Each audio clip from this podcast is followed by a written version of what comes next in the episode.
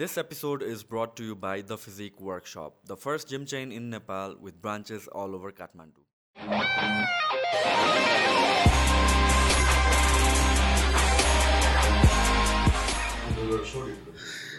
Thank you Sushant ji म चाहिँ यो बुरा हिन्दी अन्तर्राष्ट्रिय सम्बन्ध र विदेश मामलाको विद्यार्थी मैले त्रिभुवन विश्वविद्यालयमा म चाहिँ भिजिटिङ फ्याकल्टी छु राष्ट्रिय अन्तर्राष्ट्रिय सञ्चार माध्यमहरूमा लेख्छु जर्नलहरूमा लेख्छु।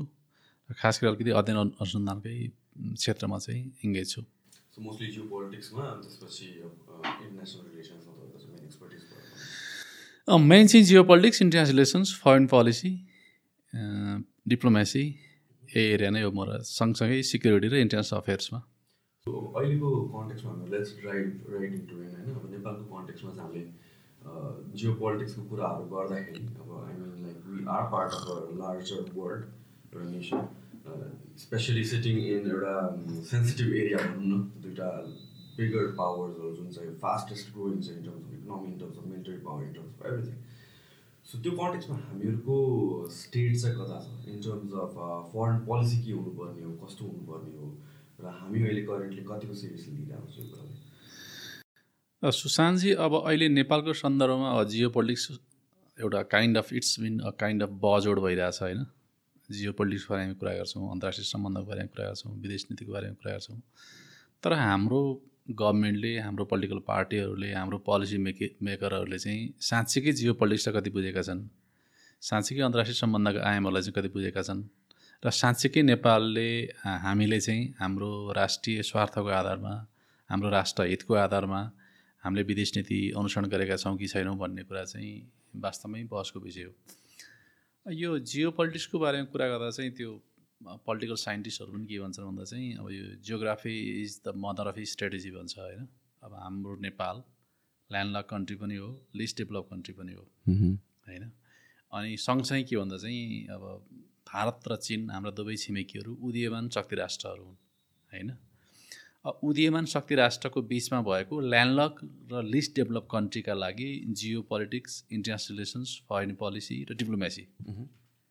जहिले पनि एउटा च्यालेन्जको कुरा हो होइन? यद्यपि नेपाल अहिलेसम्म स्थापना कालदेखि नै हामी चाहिँ कसैको कोलोनियल कन्ट्री भएनौँ हामी होइन? इभन भारत कोलोनियल कन्ट्री थियो बङ्गलादेश थियो श्रीलङ्का थियो पाकिस्तान थियो दक्षिण एसियाको अरू देशहरू चाहिँ भए तर हामी चाहिँ कहिले पनि के भन्दा कोलोनियल कन्ट्री भएनौँ त्यो हामी we are proud of that होइन? तथापि अब हाम्रा छिमेकी देशहरूले होइन राजनीतिक दृष्टिकोणले आर्थिक दृष्टिकोणले होइन व्यापारको दृष्टिकोणले पार्वणको दृष्टिकोणले त्यसै गरेर धार्मिक सामाजिक सांस्कृतिक दृष्टिकोणले हामीले भन्दा चाहिँ धेरै ठुलो प्रगति गरेका छन् उन्नति गरेका छन् अन्तर्राष्ट्रिय मञ्चमै एउटा इमर्जिङ पावरकै रूपमा स्थापित भए। तर हामीले नेपालले हाम्रो इतिहास चाहिँ गौरवपूर्ण भए पनि होइन र हाम्रो नेपालमा जुन साधन स्रोत छ होइन हाम्रा ठुला छिमेकीहरू छन् छिमेकीहरू विकसित भइरहेका छन्। तिनीहरूबाट चाहिँ हामीले उपल त्यसबाट चाहिँ हामीले फाइदा लिएर देशको विकास गर्ने क्रममा चाहिँ जति फार साइटेड हामीले पोलिसी फलो गर्नुपर्ने थियो त्यसको सापेक्षतामा गर्न नसक्यो हो कि जस्तो लाग्छ मलाई। तर अहिलेकै प्रसङ्गमा पनि हामी geo we are talking about geo politics तर but what exactly mean by geo politics होइन? कहिलेकाहीँ सन्दर्भमा कुराकानी चलिरहेको हुन्छ। अब एक दुई वर्ष अगाडि एकजना साथीहरूसँग मेरो यस्तै कफी संवाद भइरहेको थियो चिया गफ गरिरहेको थियो। उहाँले पनि होइन यो जियो पोलिटिक्स पनि नेपालमा कति हाई भयो भने कोर्टमा पनि जियो पोलिटिक्स पसिसक्यो भनेर भन्दै हुन्थ्यो कि उहाँ चाहिँ। अब त्यो नेपालको कोर्ट कोर्टमा जियो पोलिटिक्स पसेको छ कि छैन? जियो पोलिटिक्स भनेको के हो? र त्यो साथीले जियो पोलिटिक्सलाई कसरी बुझ्नुभयो? र यदि साँच्चैकै नेपालको कोर्टमा पनि जियो पोलिटिक्स छिरेको हो भने त त्यसको प्रभाव होइन नेपालमा कति गहन होला? यस्ता कतिपय सन्दर्भ भएको कारणले गर्दा चाहिँ हामीले वास्तवमा त्यो जियो पोलिटिक्स अन्तर्राष्ट्रिय सम्बन्ध र विदेश नीतिको बारेमा हाम्रो यङ स्कलरहरू मात्रै होइन कि एकाडेमिसियनहरू मात्रै होइन कि गभर्मेन्ट पोलिटिकल पार्टी होइन र त्यसै गरी फरेन मिनिस्ट्री र यो सेक्टरमा चाहिँ पोलिसी बनाउने राज्यका निकायहरूका बिचमै गम्भीर छलफल अध्ययन अनुसन्धान गरेर अनि राइटली चाहिँ के भन्दा हामीले यसको एनालिसिस गरेर पोलिसी बनाउन सक्यौँ भने सुशान्तजी यसको चाहिँ सकारात्मक प्रभाव पनि पर्छ। त्यसबाट हामी बेनिफिट पनि लिन सक्छौँ। होइन भने चाहिँ के भन्दा त्यो अहिले चाहिँ के भन्दा जियो पोलिटिक्स पनि के छ के छ भन्दा चाहिँ त्यो अन्धोले हात्ती छामे जस्तै भइरहेछ कि। सो इन टर्म्स अफ हामीहरूको जुन पोलिसिजहरू बन्नुपर्ने हो त्यो त्यसमा चाहिँ प्रपर रिसर्चहरू नहुने हो कि सिरियसनेस नै नहुने हो कि कि पोलिसी नै बनाएको छैन? दुई हजार छ्यालिसभन्दा अगाडि नेपालको फरेन पोलिसी नेपालको अन्तर्राष्ट्रिय सम्बन्ध त्यो प्यालेसको एक्सक्लुसिभ डोमेनमा थियो। गभर्मेन्ट त थियो तर गभर्मेन्टले चाहिँ के भन्दा खास गरी इन्टरनेसनल अफेयर्समा अन्त इन्टरनेसनल रिलेसन्स त्यसै गरी नेपालको फरेन पोलिसी र डिप्लोमेसीमा चाहिँ गभर्मेन्टको रोल कम थियो। होइन? छ्यालिस सालभन्दा पछाडि जब मल्टिपार्टी डेमोक्रेटिक सिस्टम आयो त्यसपछि यसको बारेमा बहस चाहिँ प्रारम्भ भयो राष्ट्रिय राजनीतिमा।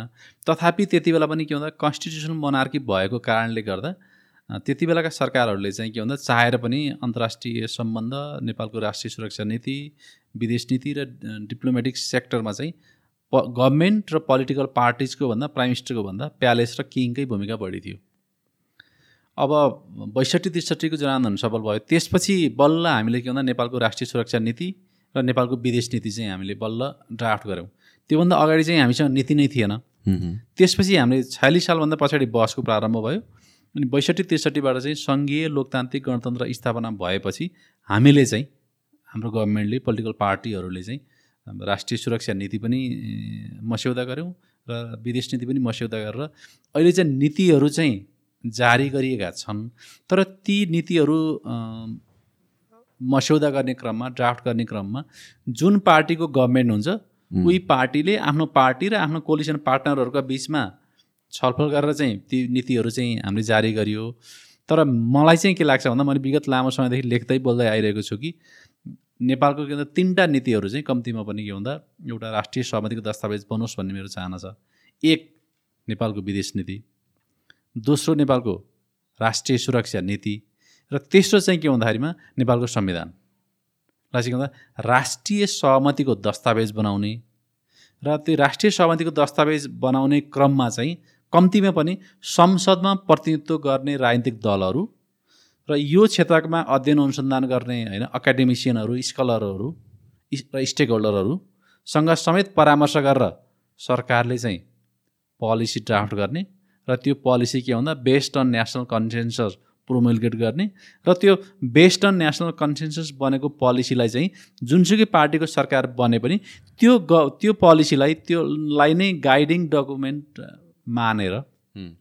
गाइडिङ प्रिन्सिपल मानेर त्यसको आधारमा हामीले चाहिँ प्राथमिकताहरू निर्धारण गऱ्यौँ भने हामीले राष्ट्रहितको आधारमा राष्ट्रिय स्वार्थको आधारमा नेपालको राष्ट्रहितलाई सर्वोच्च प्राथमिकता दिएर अगाडि बढ्न सकिन्छ र त्यसको कारणले गर्दा हाम्रो राष्ट्रको पनि हित हुन्छ राष्ट्रिय स्वार्थको पनि संरक्षण हुन्छ र र नेपालको विदेश नीतिले अथवा राष्ट्रिय सुरक्षा नीतिले होइन? अङ्गीकार गरेको पोलिसी के हो? प्रायोरिटी के हो?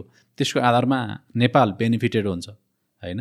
यदि अन्तर्राष्ट्रिय सहयोग होइन नेपालमा भित्रै आएर आर्थिक कुटनीति मार्फत देशको विकास गर्ने हो भने त्यो प्रक्रियामा अगाडि बढ्छ सरकार होइन? नेपालको ऐतिहासिक होइन भूमिका होइन भौगोलिक अखण्डता राष्ट्रिय स्वतन्त्रता होइन जनताको सार्वभौमिकताको रक्षा गर्ने गाइडिङ प्रिन्सिपल हो भने त्यही प्रिन्सिपलको आधारमा नेपालको होइन टेरिटोरियल इन्टिग्रिटी र नेपालको सोभरेन्टीको सरकारले चाहिँ प्रोटेक्ट गर्छ। होइन? त्यसलाई अनि कन्सोलिडेट पनि गर्छ। त्यस कारणले हामीहरूसँग अहिलेसम्म चाहिँ सुरुमा पोलिसी नै भएन सुशान्तजी। त्यसपछि के भन्दा पोलिसी आयो तर त्यो पोलिसी चाहिँ के भन्दा कन्सल्टेटिभ प्रोसेसबाट आएन। र त्यसमा के भन्दा सबै पोलिटिकल पार्टीहरूको चाहिँ त्यसमा ओनरसिप भएन। त्यसै त्यो चाहिँ त्यो डकुमेन्ट नै के भन्दा एउटा त्यो त्यो बोन अफ कन्टेन्सन भयो। होइन? कन्टेन्टियस भयो डकुमेन्ट्सहरू नै पोलिसिजहरू नै। अब चाहिँ के भन्दा कम्तीमा एउटा राष्ट्रिय सुरक्षा नीति र नेपालको विदेश नीतिलाई राष्ट्रिय सहमतिको आधारमा मस्यौदा गर्ने र त्यसपछि त्यो पोलिसीलाई नै गाइडिङ प्रिन्सिपल मानेर गभर्मेन्टले चाहिँ पोलिसी र प्रायोरिटीहरू चाहिँ निर्धारण गर्यो भने हाम्रो नेपाललाई चाहिँ के भन्दा हामी बेनिफिटेड हुने गरी त्यसलाई चाहिँ सरकारले कार्यान्वयन गर्न सक्छ होइन भने चाहिँ के भन्दा हामी दुई वर्षपछि पनि यही कुरामा बहस गर्छौँ पाँच वर्षपछि यही कुरामा बहस गर्छौँ अरू दस वर्षपछि पनि यही कुरामा बहस गर्नुपर्ने अवस्था सिर्जना हुन्छ। त्यस कारणले अहिले अहिले चाहिँ के भन्दा our policies based on national consensus होइन is the need of the hour यो वास्तविकतालाई नेपालको पोलिटिकल पार्टीहरूले चाहिँ जहिलेसम्म आत्मसात गर्न सक्दैनन् तहिलेसम्म यो विषयमा चाहिँ हामी छलफल गरिरहेका हुनेछौँ। सो बेसिकली पहिला अब राजाको बेलामा त it was based on intuition एउटा हिसाबले राजाकै पर्सनल रिलेसनको हिसाबले मोनार्क मोनार्कीको बेलामा त्यसरी चलिन्थ्यो। त्यसपछि पनि आयो तर चाहिँ बेसिकली जो रुलिङ पार्टी छ उनीहरूको इन्ट्रेस्टको अनुसारले अनस्टेबल अहिले पनि त्यही नै छ मोरलेस राइट एउटा कङ्क्रिट हामीसँग त भएन। एन्ड यो things like foreign policy it it it is a very sensitive topic र यो भनेको त एउटा कङ्क्रिट हुनुपर्छ। किनभने बेला कहिले हामी we make out in statement that we're standing with Ukraine भनेर कहिले के आउँछ। अनि जब कि हामीहरू we were suppose to be independent यो सबै कुराहरूमा त इन्भल्भ नहुनुपर्ने हो। र कन्सर्निङ कुरा कहाँबाट आउँछ भनेपछि for people like me is जुन what ever is happening in the Europe अहिले युरोपमा जे भइरहेको छ it seems like it's not ending any time soon होइन? यो सुरुमा स्टार्ट हुँदाखेरि कपाल अफ मन्थ्समा ठिक हुन्छ सर्ट आउट हुन्छ यो त्यो भन्ने नेगोसिएसन्स हुन्छ तर एभ्रिथिङ इज फेलिङ अनि जुन सिचुएसन यसले अराइज भइरहेको छ जहाँ चाहिँ China is going to one side India is do also taking sides America एउटा साइडमा छ अनि वी आर एउटा सानो कन्ट्री जो चाहिँ to be very honest or defenceless होइन? सो यो बेलामा if you don't take interest र uh, हुन्छ नि प्रायोरिटाइज यो जियो पोलिटिक्स हाम्रो रिलेसन्स हाम्रो फरेन पोलिसिजहरू भनेपछि त eventually if this thing goes out of hand बिचमा पर्न त हामी हुन्छौँ। सो अहिलेको सिचुएसन हेर्दाखेरि आई मिन लाइक मल्टिपल पिपलसँग कुरा गर्दा लाइक मेरो अब्जर्भेसन अनुसारले the situation is not good होइन? What ever is happening in Europe र त्यसले गरेर इफेक्ट हामीलाई in one way or the other त पर्छ नै जस्तो मलाई चाहिँ लाग्छ. But then when I talk to people they are like होइन दिस इज जस्ट होक्स मात्र हो। हामीलाई इफेक्ट पर्दैन फ्युचरमा त्यस्तो खासै इफेक्ट हुँदैन भनेर भन्छ। What's you take on that Sushant ji मेरो चाहिँ के भन्दा नेपालको पोलिसी ड्राफ्टिङ प्रोसेसको बारेमा मेरो अलिक फरक धारणा छ। हामीले अहिलेसम्म नेपालका जति पनि नीतिहरू पोलिसीहरू बनाउँछौँ कुनै पनि पोलिसीहरू हाम्रो संसद मार्फत जारी गरिँदैन। हाम्रो संसदले केवल कानुन मात्रै बनाउँछ एक्ट बनाउँछ तर पोलिसी बनाउँदैन। हुनुपर्ने पोलिसीमा पनि इन्भल्भ हुनु हाम्रो पार्लियामेन्टले गभर्मेन्टले पोलिसी ड्राफ्ट गर्ने अनि त्यो ड्राफ्ट गरेको पोलिसीमा चाहिँ पार्लियामेन्टमा चाहिँ कम्प्रिहेन्सिभ कन्सल्टेसन गर्ने कम्प्रिहेन्सिभ डेलिभरेसन गर्ने छलफल बहस गर्ने होइन? त्यसपछि पार्लियामेन्टमा मात्रै होइन कि सम्बन्धित विषयका विज्ञहरूसँग र स्टेक होल्डरहरूसँग समेत परामर्श गरेर अनि उहाँहरूको सुझावलाई पनि समेटेर अनि पार्लियामेन्ट मार्फत हामीले पोलिसी बनायौँ भने त्यो पोलिसी ड्राफ्टिङ प्रोसेस पार्टिसिपेटरी पनि भयो। त्यो पोलिसी ड्राफ्टिङ प्रोसेस ट्रान्सपरेन्ट पनि भयो। त्यो पोलिसी ड्राफ्टिङ प्रोसेस डेमोक्रेटिक पनि भयो। र यदि हाम्रो कुनै पनि पोलिसी ड्राफ्टिङ प्रोसेस पार्टिसिपेटरी हुन्छ कन्सल्टेटिभ हुन्छ र डेमोक्रेटिक हुन्छ भने त्यो पोलिसी के हुन्छ भन्दाखेरि चाहिँ संविधान सम्मत पनि हुन्छ अनि त्यो के भन्दा प्रो पिपुल पनि हुन्छ। त्यसै अहिले हाम्रो फन्डामेन्टल फ्लक हाम्रो कहाँ छ भन्दा हाम्रो संसदले केवल कानुन बनाउँछ नीति बनाउँदैन। त्यस कारणले अब जुनसुकै बन्ने पनि नीतिहरू चाहिँ के भन्दा संसद मार्फत जारी गर्नुपर्छ सबैभन्दा पहिले। नेपालको नेपाल सरकार नेपालका पोलिटिकल पार्टिज र यो सम्म यो एरियामा अध्ययन अनुसन्धान गर्ने शोधार्थीहरूलाई पनि म हार्दिक आग्रह के गर्न चाहन्छु भन्दा अब हामी नेपालले जति पनि on behalf of Nepali people हाम्रो गभर्मेन्टले जति पनि पोलिसी ड्राफ्ट गर्छ ती ड्राफ्ट पहिले चाहिँ पोलिसी ड्राफ्ट गर्नुभन्दा पहिला नै अलिक गम्भीर अध्ययन अनुसन्धान गर्नु पऱ्यो based on that policy draft गर्ने। अनि पोलिसी ड्राफ्ट गरेपछि पार्लियामेन्टमा त्यसको बारेमा कम्प्रिहेन्सिभ कन्सल्टेसन गर्ने प्लस के भन्दा स्कलर्स र स्टेक होल्डरहरूसँग समेत परामर्श गरेर उहाँहरूको सुझावलाई समेत समेटेर हामीले पोलिसी ड्राफ्टिङ प्रोसेस सुरु गऱ्यौँ भने त्यो प्रोसेस के हुन्छ भन्दा त्यो पोलिसी के हुन्छ भन्दा प्रो पनि हुन्छ। होइन? अनि संविधान सम्मत पनि हुन्छ। त्यस कारण कतिपय पोलिसीहरूको बारेमा ह्युज डिबेट हुन्छ नि हाम्रो पार्लियामेन्टमा होइन?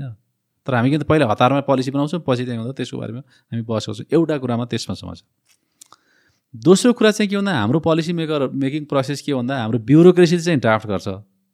कन्सल्टेसन गर्दैन रिसर्च गर्दैन। ब्युरोक्रेसीले ड्राफ्ट गर्छ। अनि क्याबिनेटले चाहिँ डिसिसन गरेर अनि त्यो पोलिसी चाहिँ प्रमुलगेसन गर्ने प्रब्लम सिस्टम छ हाम्रो।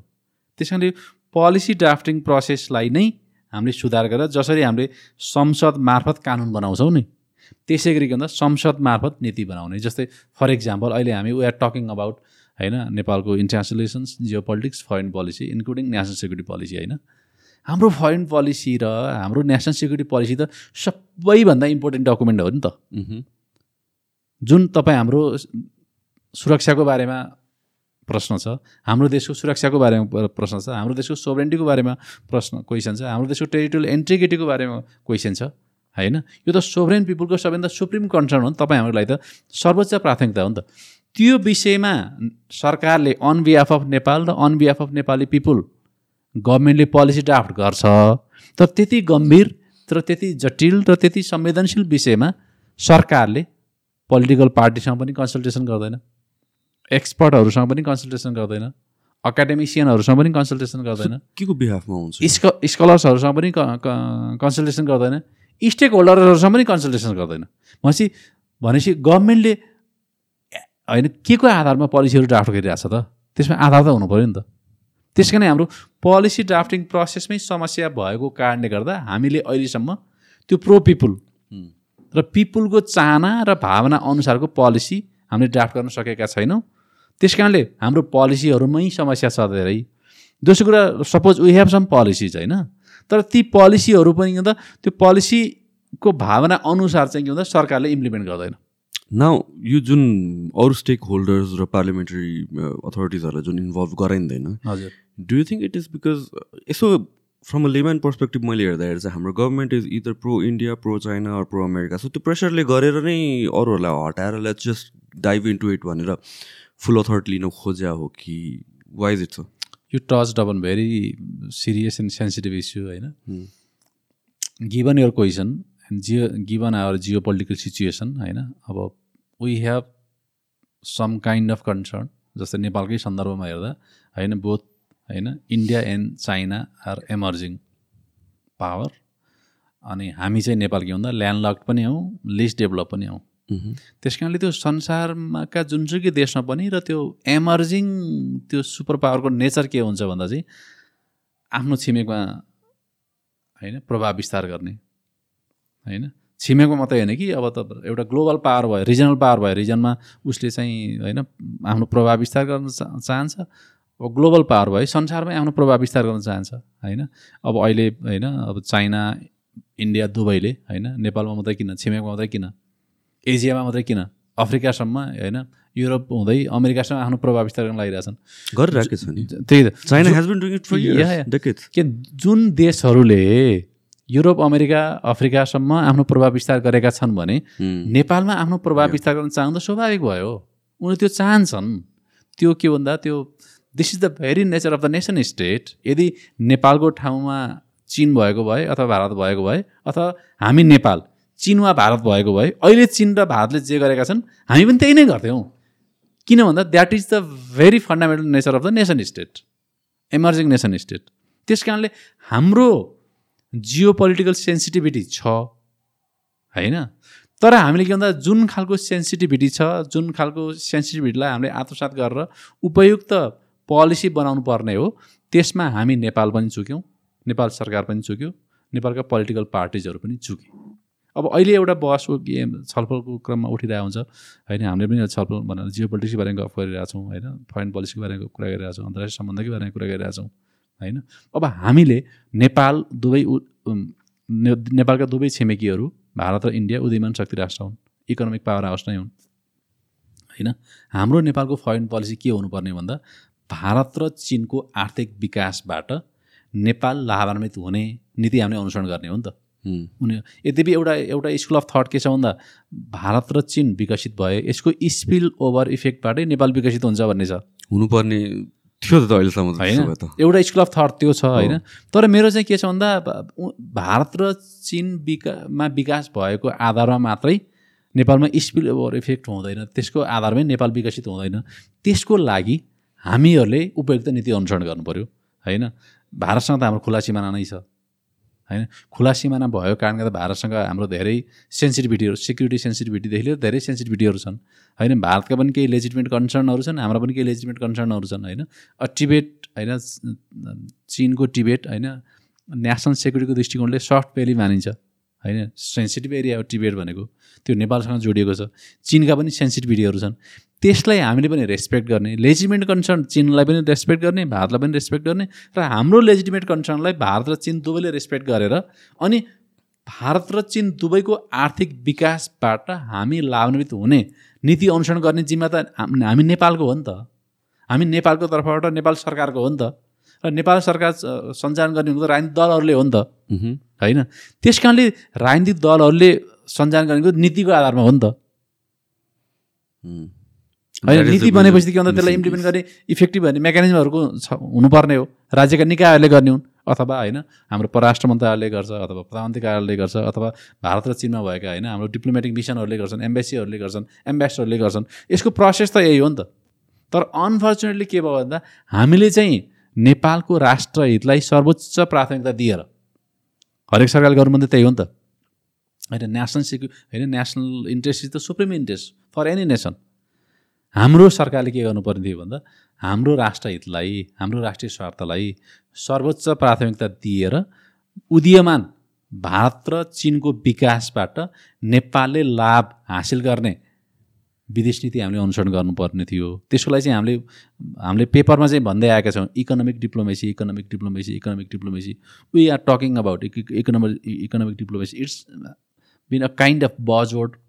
Our ministry and diplomats and, and, and some scholars including uh, ministers and government. होइन? तर के भन्दा त्यो इकोनोमिक डिप्लोमेसी भनेको त यो त के भन्दा अब त्यो गायत्री मन्त्र जपेको होइन नि त। अखण्ड कीर्तन गर्ने होइन नि त। होइन? इकोनोमिक डिप्लोमेसी हो भने भारत र चिनको आर्थिक विकासबाट हामी कसरी लाभान्वित हुन सक्छौँ? हामी होइन अनुदान कसरी भित्याउन सक्छौँ? हामी सफ्ट लोन कसरी भित्याउन सक्छौँ? हामी नेपाललाई होइन त्यसपछि गएर अनि लगानी कसरी भित्याउन सक्छौँ? होइन त्यसको लागि हामीसँग लगानी मैत्री वातावरण सिर्जना हुनुपर्ने होला। त्यसलाई पनि हामीले धेरै पूर्वाधारहरू तय गर्नुपर्ने होला नि त। तर ती कुरामा चाहिँ हामी चुकेका छौँ तर हामी के भन्दा खालि भारत र चिनको विकासबाट हामी नेपाल लगानी हुने नीति अनुसरण गर्नेछौँ भनेर एउटा गायत्री मन्त्र जस्तो जपिन्छ। त्यसलाई एउटा गाइडिङ प्रिन्सिपल बनाएर त्यसको आधारमा हामीले पोलिसी बनाउनु पर्ने ठाउँमा खालि रेटोरिक मात्रै भयो कि सुशान्तजी. त्यसको लागि चाहिँ प्रपर पोलिसी भएन।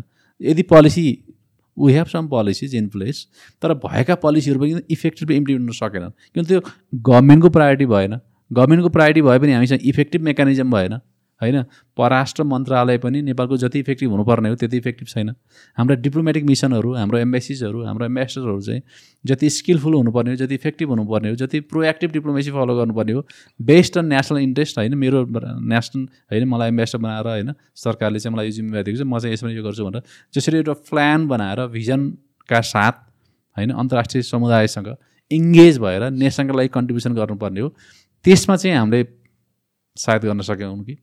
सो हामीले गर्नु सक्नुको reason it is the matter of serious introspection त्यही त अब यो lack of skill lack of seriousness yeah lack of interest या प्रायोरिटी मात्र नभएर दिस इज डेलिबरेटली एउटा हिसाबले मजबुरी काइन्ड अफ हिसाबले हो कि किनभने any we are I would assume we're not in terms of serious negotiation हामी त्यो नेगोसिएटिङ पावर नै छैन first of all to be very honest र दिस इज समथिङ एउटा एलिफेन्ट इन द रुम जस्तो भयो कि? People don't like to discuss about it or mention about it तर सबैलाई थाहा छ कि like we are being played around by bigger पावर्सहरू in some one one way or the other अनि यो क्वेसन आउने बित्तिकै इट टर्न्स इन्टु एउटा पोलिटिकल बायसनेसको हुन्छ सेपरेसनमा के स्कुल अफ थट नै सेपरेट भएर जान्छ इफ यु क्वेसन समथिङ होइन जस्तै फर इक्जाम्पल यो एमसिसीको बेलामा अर यो एसएसपी हो कि के भन्नु एसएसपी नै थियो एसएसपी सो यिनीहरूको state partnership program state partnership program SPP right so यो कुरा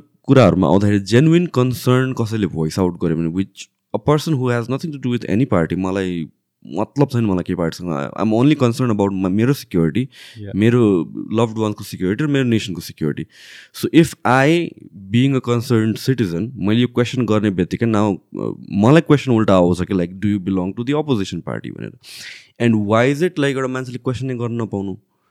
Although this is such a obvious matter जस्तो तपाईँले अघि भन्नुभयो मैले त्यसरी सोचेको थिइनँ बट देन यस चाइना हेज इन्फ्लुएन्स कङ्गोसम्म भनेर भनेपछि छेउकै नेसनमा इन्फ्लुएन्स नहुने त it's you would be stupid to think.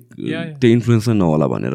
And it's not just about China of course every nation will have their own interest इन्डियाको आफ्नै इन्ट्रेस्ट छ चाइनाको आफ्नै इन्ट्रेस्ट छ अमेरिकाको आफ्नै इन्ट्रेस्ट छ भनौँ भने चाहिँ why are we not looking at it from that perspective कि प्रेसर नै त्यस्तो धेरै छ कि you can not think otherwise यसमा चाहिँ दुई तिनवटा आयाम हुन्छ सुशान्तजी पहिलो कुरा चाहिँ हाम्रो नेपालले हामी नेपालले हाम्रो नेपालको नेसनल इन्ट्रेस्ट के हो? सबैभन्दा पहिले हामीले नेपालले नेपालको पोलिटिकल पार्टीहरूले नेपाल गभर्मेन्टले नेसनल राष्ट्रिय सहमतिको आधारमा हाम्रो नेपालको नेसनल इन्ट्रेस्ट के हो? त्यसलाई डिफाइन गर्नु पऱ्यो चाइनाले आफ्नो नेसनल इन्ट्रेस्टलाई क्लियरली डिफाइन गरेको छ। युएसले आफ्नो नेसनल इन्ट्रेस्टलाई क्लियरली डिफाइन गरेको छ। भारतले आफ्नो नेसनल इन्ट्रेस्टलाई क्लियरली डिफाइन गरेको छ। र नेपालमा उनीहरूले जे जे गरिरहेछन् what ever they are doing in Nepal they are doing based on their national interest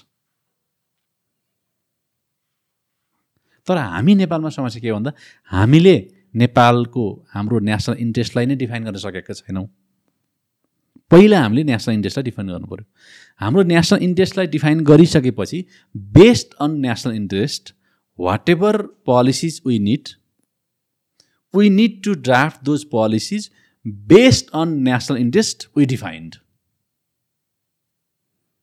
And I have been arguing that in those documents and those policies should be drafted in line with national interest, putting highest priority हाम्रो national इन्ट्रेस्टलाई अनि त्यो चाहिँ के भन्दाखेरि based on consultation with concern stakeholders त्यो गर्न सक्यौँ भने चाहिँ बल्ल के भन्दा उपयुक्त पोलिसी बन्ने भयो के भन्दा हामीले राष्ट्रिय नेसनल इन्ट्रेस्टलाई पनि हामी डिफाइन गऱ्यौँ। नेसनल इन्ट्रेस्टको आधारमा पनि हामीले पोलिसीहरू ड्राफ्ट गऱ्यौँ। लाइक हुन्छ नि। अब नेपालको विदेश नीति नेपालको सुरक्षा नीति नेपालको आर्थिक नीति नेपालको विदे विदेश नीति नेपालको होइन पर्यावरण नीति नेपालको चाहिँ के भन्दा climate चेन्जको policy we need many policies नि त। त्यसपछि पोलिसी पनि बनायौँ हामीले। अनि त्यो पोलिसीलाई इम्प्लिमेन्ट गर्ने इफेक्टिभ मेकानिजम चाहियो। लाइक होइन प्राइम मिनिस्टरको रोल प्राइम मिनिस्टर अफिसको रोल होइन त्यसपछि गएर फरेन मिनिस्ट्रीको रोल डिफेन्स मिनिस्ट्रीको रोल त्यसपछि गएर होम मिनिस्ट्रीको रोल त्यसै गरेर इन्भाइरोमेन्ट मिनिस्ट्रीको रोल त्यसपछि गएर त्यसपछि अब होइन त्यसै गरेर फाइनेन्स मिनिस्ट्रीको रोल अनि त्यसपछि आफ्नो जुन जुन पोलिसी जसले इम्प्लिमेन्ट गर्ने हो इफेक्टिभली इम्प्लिमेन्ट गर्नुपर्ने हो ती मेकानिजमलाई चाहिँ इफेक्टिभ बनायौँ भने त्यसपछि बल्ल हामीले ती पोलिसीहरूलाई चाहिँ ड्राफ्ट गर्छौँ तर हामीको समस्या के भन्दा हामीले नेसनल इन्ट्रेस्टलाई पनि डिफाइन गर्न सकेनौँ। अनि हाम्रो पोलिसीलाई पनि के भन्दा हामीले अप्रोप्रिएट पोलिसीहरू फलो गर्न सकेनौँ। होइन जस्तै सपोज लाइक हुन्छ नि जस्तै हाम्रो फरेन पोलिसीको कुरा गरौँ। तर हामी नेपालले त इन्डिपेन्डेन्ट र ब्यालेन्स्ड फरेन पोलिसी बनाउनु पर्ने हो नि त नेपालले। होइन हामीले कतिपय सन्दर्भमा त as you mention indicator earlier होइन कुनै सरकार बन्यो प्रो इन्डिया हुने कुनै सरकार बन्यो प्रो चाइना हुने कुनै सरकार चाहिँ प्रो वेस्ट भनिने कता कुनै बन्ने कुनै भनिने खालको प्र्याक्टिस भयो नि त। होइन हामी त के भन्दा प्रो हुने होइन नि त?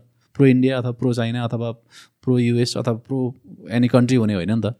होइन हामी त के भन्दा एउटा सोभरेन र इन्डिपेन्डेन्ट नेसन भएको कारणले गर्दा हामी त के भन्दा सोभरेन र इन्डिपेन्डेन्ट पोलिसी हामीले बनाउनु पर्ने हो नि त। Given our geo political sensitivity अब हामीले चाहिँ के भन्दा ब्यालेन्स्ड पोलिसी लिएर आउनुपर्ने हो। होइन अब भन्नको लागि चाहिँ हामीले के भन्दाखेरिमा हामीले पञ्चशील पनि उल्लेख गरेका छौँ हाम्रो पोलिसीमा हामीले भन्दा होइन? त्यसपछि गरेर असंलग्नता पनि हामीले उल्लेख गरेका छौँ हाम्रो पोलिसीमा। होइन युएनको चार्टरको कुरा पनि हामीले गरेका छौँ हाम्रो पोलिसीमा। हामीले त्यो गायत्री मन्त्रको जस्तो गरेर हामीले त्यो जब चाहिँ गर्छौँ होइन? त त्यो अनुसारलाई चाहिँ हामीले पोलिसी बनाएर त्यो पोलिसीको आधारमा हामीले चाहिँ के भन्दा इम्प्लिमेन्ट गर्न सकेनौँ। समस्या त्यहाँबाट सिर्जना भयो होइन? त्यस कारणले अब हामीले ठिक छ विगतमा जे गऱ्यौँ जे जे गऱ्यौँ होइन? तर let's learn the lessons from past होइन? अब चाहिँ के भन्दा नेपालको संसदले कानुन मात्रै होइन नीति पनि बनाउने। त्यो नीति बनाउने क्रममा सरकारले political party scholar stakeholder सबैसँग कन्सल्टेसन गर्ने कम्प्रिहेन्सिभली र ती पोलिसीहरू चाहिँ के भन्दाखेरिमा सकेसम्म बेस्ड अन नेसनल कन्सेन्सस यदि यदि नेसनल कन्सेन्स सबै पोलिसीमा भएन भने एज म्याक्सिमम् एज पोसिबल होइन? बढीभन्दा बढी प्रयास त गर्नु पऱ्यो नि त सरकारले। किन ती सबै पोलिसी बनिँदा तपाईँ हाम्रो लागि हो नि त। नेपाली पिपलको लागि भन्ने हो नि त। नेपाली जनताको लागि भन्ने हो नि त। नेपालका लागि भन्ने हो नि त। त्यस कारणले त्यो कन्सल्टेटिभ प्रोसेसबाट पोलिसी बनायौँ भने अहिले देखिएका जति पनि समस्याहरू छन् ती समस्याहरूको समाधान हुन्छ। र अर्को चाहिँ म नेपालको पोलिटिकल पार्टी र पोलिसी मेकर्स र इन्क्लुडिङ ल मेकर्सहरूलाई चाहिँ म के आग्रह गर्न चाहन्छु भन्दा चाहिँ अब विदेशमा म अलिकति अन्तर्राष्ट्रिय सम्बन्ध र सुरक्षा मामलाको विद्यार्थी भएको नाताले विदेशमा कतिपय पोलिसीहरू बनाउनु पऱ्यो भने त्यो पोलिसीको बारेमा थिङ्क ट्याङ्कलाई ले अध्ययन अनुसन्धान गरेका हुन्छन्। विश्वविद्यालयहरूमा त्यसको बारे अध्ययन अनुसन्धान भएको हुन्छ। सार्वजनिक सञ्चार माध्यममा त्यसको बारेमा बहस छलफल अनुसन्धान भएको हुन्छ। होइन जर्नलहरूमा चाहिँ आर्टिकलहरू प्रकाशित भएको हुन्छ। त्यो ती सबै अनि जति पनि छलफल कन्सल्टेसन भएका छन् र त्यसको बारेमा रिसर्च भएकाहरूको सबैको बारेमा गभर्मेन्टले स्टडी गर्छ र त्यो स्टडीको आधारमा अध्ययन अनुसन्धान गरेर मात्रै पोलिसी ड्राफ्ट गर्छ। विदेशमा। त्यस कारणले उनीहरूले चाहिँ के भन्दा अप्रोप्रिएट पोलिसी उनीहरूले बनाउँछौँ।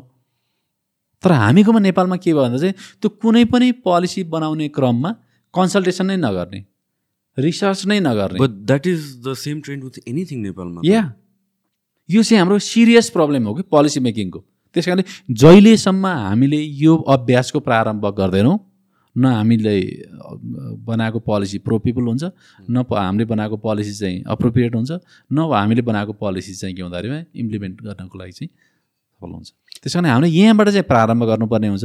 अब as far as geopolitics and and अब यो फरेन पोलिसी आर कन्सर्न यो चाहिँ नेपालको सबैभन्दा सेन्सिटिभ विषय हो होइन? अब हामी हामीले अगाडि पनि चर्चा गऱ्यौँ। उदयमान शक्ति एमर्जिङ पावरहरूको बिचमा हामी नेपालमा छौँ। हामी जियो पोलिटिकल सेन्सिटिभिटी पनि छ जियो पोलिटिकल इम्पोर्टेन्स पनि छ। इम्पोर्टेन्स पनि छ नि हाम्रो त्यत्तिकै होइन तर हामीले इम्पोर्टेन्सको कुरालाई चाहिँ कम देखेका हुन्छौँ। पोलिटिक्सलाई चाहिँ सेन्सिटिभलाई चाहिँ हाई टोनमा कुरा गरिरहेको हुन्छ हामीले। अर्को कुरा चाहिँ के हुन्छ जस्तै नेपालको बारेमा कुरा गर्दा चाहिँ कतिपय हामीले यो उदय जुन एमर्जिङ पावर छन् होइन इन्डिया र चाइना यो चुनौती हो कि अवसर हो भन्ने बारेमा छलफल भइरहेको हुन्छ। हामीले अधिकांश सन्दर्भमा चाहिँ हामीले के भन्दा खालि चुनौतीको रूपमा हेरिरहेको हुन्छौँ। फमी यो चाहिँ के भन्दा चुनौतीभन्दा बढी हामीलाई अवसर हो। डेफिनेटली होइन? तर यो चुनौतीपूर्ण चाहिँ छ। तर चुनौतीपूर्ण भए पनि हामीले के भन्दा अवसरमा रूपान्तरण गर्नुपर्ने हुन्छ। होइन? यदि चुनौतीको हिसाबले हेर्ने भने जियो पोलिटिकल एङ्गलबाट चाहिँ चुनौतीपूर्ण हुनसक्छ। सिक्युरिटी पोइन्ट अफ भ्यूबाट चाहिँ चुनौतीपूर्ण हुनसक्छ। डिफेन्सको पोइन्ट अफ भ्यूबाट चाहिँ चुनौतीपूर्ण हुनसक्छ। तर इकोनोमिक पोइन्ट अफ भ्यूबाट त हामीलाई यो त अपर्च्युनिटी हो नि त। ट्रेड एन्ड ट्रान्जिटको हिसाबले त हामीसँग त यो त के भन्दा अपर्च्युनिटी हो नि त। डेभलपमेन्टको हिसाबले त यो त के भन्दाखेरि त हामीसँग अपर्च्युनिटी हो नि त। इन्भेस्टमेन्टको हिसाबले त हामीले के भन्दाखेरि चाहिँ अब अपर्च्युनिटी हो नि त। होइन? त्यस कारणले उही ग्लासमा चाहिँ होइन आधा ग्लास आधा खाली छ कि आधा भरि छ भन्ने हिसाबबाट एङ्गलबाट हेर्दाखेरिमा चाहिँ म चाहिँ के हेर्छु भन्दा यसलाई चाहिँ यो हाम्रो अवसर हो। होइन? तर अवसरमा पनि यो चुनौ यो केही हदसम्म चुनौती पनि हो। तर हामीले ती चुनौतीहरूलाई पनि हामीले अवसरमा रूपान्तरण गर्न सक्नुपर्छ। त्यसको लागि चाहिँ हामीसँग के भन्दाखेरि भिजन हुनु पऱ्यो त्यसको लागि हामीसँग के भन्दा अप्रोप्रिएट पोलिसी हुनु पऱ्यो होइन? तर हामीसँग अलिक समस्या के छ भन्दा चाहिँ हामीसँग अवसर छ तर हामीसँग भिजन भएन। होइन? हामीसँग अवसर छ तर त्यो अवसरलाई मा के भन्दाखेरिमा रूपान्तरण गर्नको लागि हामीसँग अप्रोप्रिएट पोलिसी भएन। त्यस कारणले हामीले चाहे भारतसँगको सम्बन्ध होस् चाहे चिनसँगको सम्बन्ध होस् चाहे अमेरिकासँगको सम्बन्ध होस् चाहे बेलायतसँगको सम्बन्ध होस् चाहे जापानसँगको सम्बन्ध होस् चाहे चाहिँ अस्ट्रेलियासँगको सम्बन्ध होस् चाहे चाहिँ होइन नर्थ इस्टका कन्ट्रीहरूले चाहिँ होइन कति ठुलो विकास गरिरहेछन् होइन? इन्डोनेसियादेखि भियतनामसम्म सब देशहरूले कति राम्रो विकास गरिरहेका छन्। ती सबैबाट लाभान्वित हुने हामीले पोलिसी फलो गर्ने गर्नुपर्ने थियो नि त हामीले। त्यो पोलिसी नभएको कारणले गर्दा चाहिँ हामी पछाडि परेका हौँ। त्यस कारणले यी यी सबै विगतबाट हामीले शिक्षा लिएर यदि नेपालको पोलिटिकल पार्टी र गभर्मेन्टले चाहिँ यो प्रोसेसबाट पोलिसी ड्राफ्ट गरेर अनि हाम्रो राष्ट्रहितलाई सर्वोच्च प्राथमिकता दिएर हामीले पोलिसी बनायौँ भने त मलाई लाग्छ हामीले अपेक्षा गऱ्यो भन्दा पनि छिटो गतिमा चाहिँ हामीले प्रगति गर्न सक्छौँ विकास गर्न सक्छौँ समुन्नत नेपाल बनाउन सक्छौँ विकास निर्माण कुरा गर्न सक्छौँ पूर्वाधार निर्माण गर्न सक्छौँ। भारत र चिन कहाँ पुगिसक्यो? हामी बिचमा भएको नेपाल चाहिँ यति होइन हामी चाहिँ अब त लिस्ट डेभलप कन्ट्रीबाट डेभलपिङ कन्ट्रीमा ग्रेजुएट हुनको लागि पनि होइन ट्वेन्टी सिक्सटीमा त होइन ट्वेन्टी सिक्समा त हामी ग्रेजुएट हुने भनेका छौँ। होइन ग्रेजुएट भएका पछिका चुनौती पनि त्यतिकै छन्। त्यही हामी त लङ टर्म भिजन र प्लान भयो भने न but again coming back to the discussion यो कुरा मलाई कहाँतिर अड्किन्छु भनेर भनेपछि हामीहरू यत्रो सानो छौँ होइन इन टर्म्स अफ थियोरिटिकली त जत्रो नेसन भए पनि इट्स वान नेसन भनेर भनिन्छ। सबैको इक्वल राइट हुन्छ भनेर भनिन्छ। बट प्र्याक्टिकलिटीमा हेर्दा can you afford to be selfish in our own national interest while drafting these policies किनभने चाहिँ अब again we can talk about international रिलेसन्सहरू internationally लजहरू र कन्ट्रीको लजहरू र कन्ट्रीको सोभरेन्टीहरूको कुराहरू। तर प्र्याक्टिकली चाहिँ हिस्ट्रीले के देखाउँछ? एउटा सानो country can we balance two major large countries without being affected that is the very serious and critical question given our geopolitical situation किन अब म म यो आएको म जो ठ्याक्क भनिदिइहाल्छु है। किनभने चाहिँ थियोरिटिकली अब वी टक अबाउट युएन छ ब्यालेन्स गर्नको लागि यहाँ सबै चिज फेयर हुन्छ भनेपछि जत्रो सानो नेसन भए पनि डिफेन्सलेस कोही पनि हुँदैन। But look at what happen to Ukraine होइन? सो इफ युक्रेन जस्तो कन्ट्रीको नै एउटा अस्तित्व हटाइदिन सकिन्छ nobody steps in between र अहिलेको सिचुएसनमा स्टेप इन गर्नु हुन्छ जस्तो पनि लाग्दैन क्या मलाई जुन हिसाबले सेन्सिटिभ छ त्यो वार भनेपछि नेपाल जस्तो कन्ट्रीले चाहिँ फ्युचरमा त आई मिन प्रिभेन्सन मेजोरिटी हामीले ध्यान दिनु पऱ्यो नि त। किन वान्स इफ समथिङ ह्यापन्स त्यसपछि केही पनि गर्न सक्दैन। सो त्यो अथोरिटी हामीसँग त्यो पावर एक्चुअलमा छ कि छैन? थियोटिकल त छ। तर can we do something about it not भन्ने कुरा आयो। Very sensitive and critical question म तिनवटा देशको उदाहरणबाट चाहिँ एक्जाम्पलबाट चाहिँ म नेपालको प्रश्न तपाईँको प्रश्नमा आउँछु। यो मैले प्रायः चाहिँ यो अन्तर्राष्ट्रिय सम्बन्ध विदेश नीतिको डिप्लोमेसीको कुरा गर्दा चाहिँ मैले तिनवटा देशको एक्जाम्पल दिने गएको छु एउटा चाहिँ मङ्गोलिया अर्को श्रीलङ्का अर्को चाहिँ यु टच अपन युक्रेन त्यसपछि युक्रेनमा आउँछु म अनि तपाईँको प्रश्नको आन्सर नेपालमा आउँछु लास्ट मङ्गोलिया हामी भारत र चिनको बिचमा छौँ नेपाल जस्तै मङ्गोलिया चाहिँ चाइना र रसियाको बिचमा छ नेपालको सिचुएसन र मङ्गोलियाको सिचुएसन एक्ज्याक्टली त्यही हो। नेपाल पनि ल्यान्डलक्ड हो मङ्गोलिया पनि ल्यान्डलक्ड हो। हामीसँग दक्षिणमा भारत छ उत्तरमा चिन छ मङ्गोलियाको दक्षिणमा चिन छ उत्तरमा रसिया छ। होइन नेपालमा जति खालको जियो पोलिटिकल सेन्सिटिभिटी छ त्यत्तिकै सेन्सिटिभिटी मङ्गोलियामा पनि छ। होइन? तर मङ्गोलियाले चाहिँ के गर्यो भन्दा चाहिँ हामीले नेपालले जस्तै मङ्गोलियाले एमसिसीमा पनि हस्ताक्षर गर्यो बिआरआईमा पनि हस्ताक्षर गर्यो। हामी नेपालले पनि के गरौँ भन्दा एमसिसीमा पनि हस्ताक्षर गरौँ बिआरआईमा पनि हस्ताक्षर गरौँ। अब हामीले चाहिँ एमसिसी बल्ल पाँच वर्षपछि पार्लियामेन्टबाट अनुमोदन भएर बल्ल कानुनको प्रक्रियामा अगाडि बढेको छ। हामीले बिआरआईकामा हस्ताक्षर गरे पनि एउटा पनि कुनै पनि प्रोजेक्ट अगाडि बढ्न सकेका छैन। तर मङ्गोलियाले चाहिँ के गर्यो भन्दा चाहिँ एमसिसीको प्रोजेक्ट पनि अगाडि बढायो बिआरआईको प्रोजेक्ट पनि अगाडि बढायो। सँगसँगै उसले के भन्दा उत्तरी छिमेकी रसिया रसियाको इन्ट्रेस्ट भएको प्रोजेक्टहरू पनि अगाडि बढायो। र उसले चाहिँ के भन्दा उसको सम्बन्ध चिनसँग पनि राम्रो छ उसको सम्बन्ध रसियासँग पनि राम्रो छ उसको सम्बन्ध चाहिँ त्यत्तिकै राम्रो सम्बन्ध उसको युएस र वेस्टर्न डेमोक्रेटिक कन्ट्रीहरूसँग पनि छ। त्यस कारणले के भन्दा उनीहरूले के भन्दा वेस्टर्न कन्ट्रीहरूसँग उसले बेस्ट रिलेसन राखेको कारणले गर्दा उसले चाहिँ के भन्दा वैदेशिक लगानी मङ्गोलिया भित्ताउन सफल भएर अहिले चाहिँ के भन्दा मङ्गोलियाले देशको विकास र पूर्वाधारको दृष्टिकोणले चाहिँ महत्त्वपूर्ण उपलब्धि हासिल गरिरहेको छ। तर उसले चाहिँ के हुँदा विश्वास के हुँदा चिनलाई पनि विश्वास दिलाउन सक्यो रसियालाई पनि विश्वास दिलाउन सक्यो अनि युएस लगायत वेस्टर्न डेमोक्रेटिक कन्ट्रीहरू इन्क्लुडिङ इन्डिया र जापानसँग पनि उसले चाहिँ के भन्दा आर्थिक सहकार्य छ इकोनोमिक डेभलपमेन्टको लागि उसले कोअपरेसन गरिरहेको छ किनभने उसले के भन्दा बेस्ड अन नेसनल इन्ट्रेस्ट उनले के भन्दा अप्रोप्रिएट फरेन पोलिसी फलो गरे। त्यस कारणले so that they succeeded so that Mongolia succeeded होइन? अब श्रीलङ्कामा। श्रीलङ्का टापु राष्ट्र हो। हामी चाहिँ ल्यान्डलक भयौँ ऊ चाहिँ टापु राष्ट्र हो होइन? अब कुनै बेला चाहिँ श्रीलङ्कालाई चाहिँ होइन एसियाको सिङ्गापुर पनि भनिन्थ्यो होइन? तर त्यो देश के भयो भन्दा चाहिँ अब ट्रेडिसनली उसको इन्डियासँग राम्रो सम्बन्ध थियो। पछि चाहिँ बिस्तारै इन्डियाबाट टाढा भयो र चिनसँग नजिक भयो। चिनसँग नजिक भएपछि उसले चाहिँ केही चिनका प्रोजेक्टहरू चिनले चाहिँ केही प्रोजेक्टहरू फन्डिङ पनि गर्यो। अहिले सबैभन्दा बढी चर्चाको विषय भनेको चाहिँ हम्मनडोटा एयरपोर्ट। होइन? उसले चाहिँ चाइनिज लोनमा चाहिँ उसले त्यो प्रोजेक्ट बनायो तर त्यो प्रोजेक्ट चाहिँ भाइबल भएन र अन्त त के भन्दा लोनैतिर नसकेर त्यो के भन्दा आफ्नो आफ्नो सोभरेन्टीमा समेत कम्प्रोमाइज गरेर चाहिँ उसले के भन्दा चिनलाई लिजमा दिनुपर्ने भयो। एउटा चाहिँ त्यो बिआरआई प्रोजेक्ट नै असफल भयो। अर्को के भन्दा हामी नेपालले जस्तै अनि श्रीलङ्काले पनि एमसिसीमा हस्ताक्षर गरेको थियो। होइन? तर चार वर्षको ठुलो डिबेट भयो त्यहाँ चाहिँ खास गरी त्यो ल्यान्ड रिफर्मसँग सम्बन्धित प्रोजेक्टहरू प्रोजेक्ट थियो एमसिसीले त्यहाँ गर्न खोजेको। तर त्यसमा चाहिँ देशभित्र पनि सहमति भएन र अन्त के हुँदा उसले चाहिँ श्रीलङ्का बाट चाहिँ एमसिसी पनि एक्जिट भयो। मङ्गोलिया त्यही देश हो जस जहाँ एमसिसी पनि सफल भयो बिआरआई पनि सफल भयो। तर अर्को कन्ट्री के भयो भन्दा चाहिँ श्रीलङ्का के भयो भन्दा त्यो बिआरआईको अन्तर्गतको प्रोजेक्ट पनि सफल भएन। एमसिसीबाट के भन्दा विवाद भएको कारण त युएस नै एक्जिट हुनु पऱ्यो त्यस कारणले उनीहरूले चाहिँ मङ्गोलियाले चाहिँ राष्ट्रिय आवश्यकताको आधारमा उसले प्रोजेक्टको छनौट गर्यो र उसलाई चाहिँ त्यसलाई चाहिँ इफेक्टिभली चाहिँ इम्प्लिमेन्ट गर्ने कुरामा उसले अप्रोप्रिएट पोलिसी फलो गर्यो। त्यस कारण त्यहाँ सफल भयो। आखिर बिआरआई त मङ्गोलियामा पनि त्यही पैसा हो श्रीलङ्कामा पनि त्यही पैसा आखिर एमसिसी त मङ्गोलियामा पनि त्यही पैसा हो श्रीलङ्कामा पनि त्यही पैसा हो। उनीहरूले के राष्ट्रिय आवश्यकताको आधारमा प्रोजेक्टहरूको छनौट गरेर त्यसलाई इफेक्टिभली इम्प्लिमेन्ट गरेर त्यस कारणले मङ्गोलिया सफल भयो अनि श्रीलङ्का असफल भयो। तेस्रो उदाहरणमा जाउँ चाहिँ अब युक्रेन। युक्रेन पनि के भन्दा रुसको छिमेकी होइन? हामी नेपालभन्दा अलिक ठुलो छ तर पनि जस मिडल साइज हो। तर चिन र सरी रसिया र युक्रेनको सम्बन्ध के भयो भन्दा अब त्यो विघटित सोभियत सङ्घबाट होइन? जन्मेको नयाँ राष्ट्र हो युक्रेन होइन? अब सुरुमा चाहिँ रसिया कमजोर थियो तर बिस्तारै रसियाले पनि एउटा आफूलाई चाहिँ एउटा शक्ति राष्ट्रकै रूपमा स्थापित गर्न सफल भयो पुटिनको लिडरसिपमा।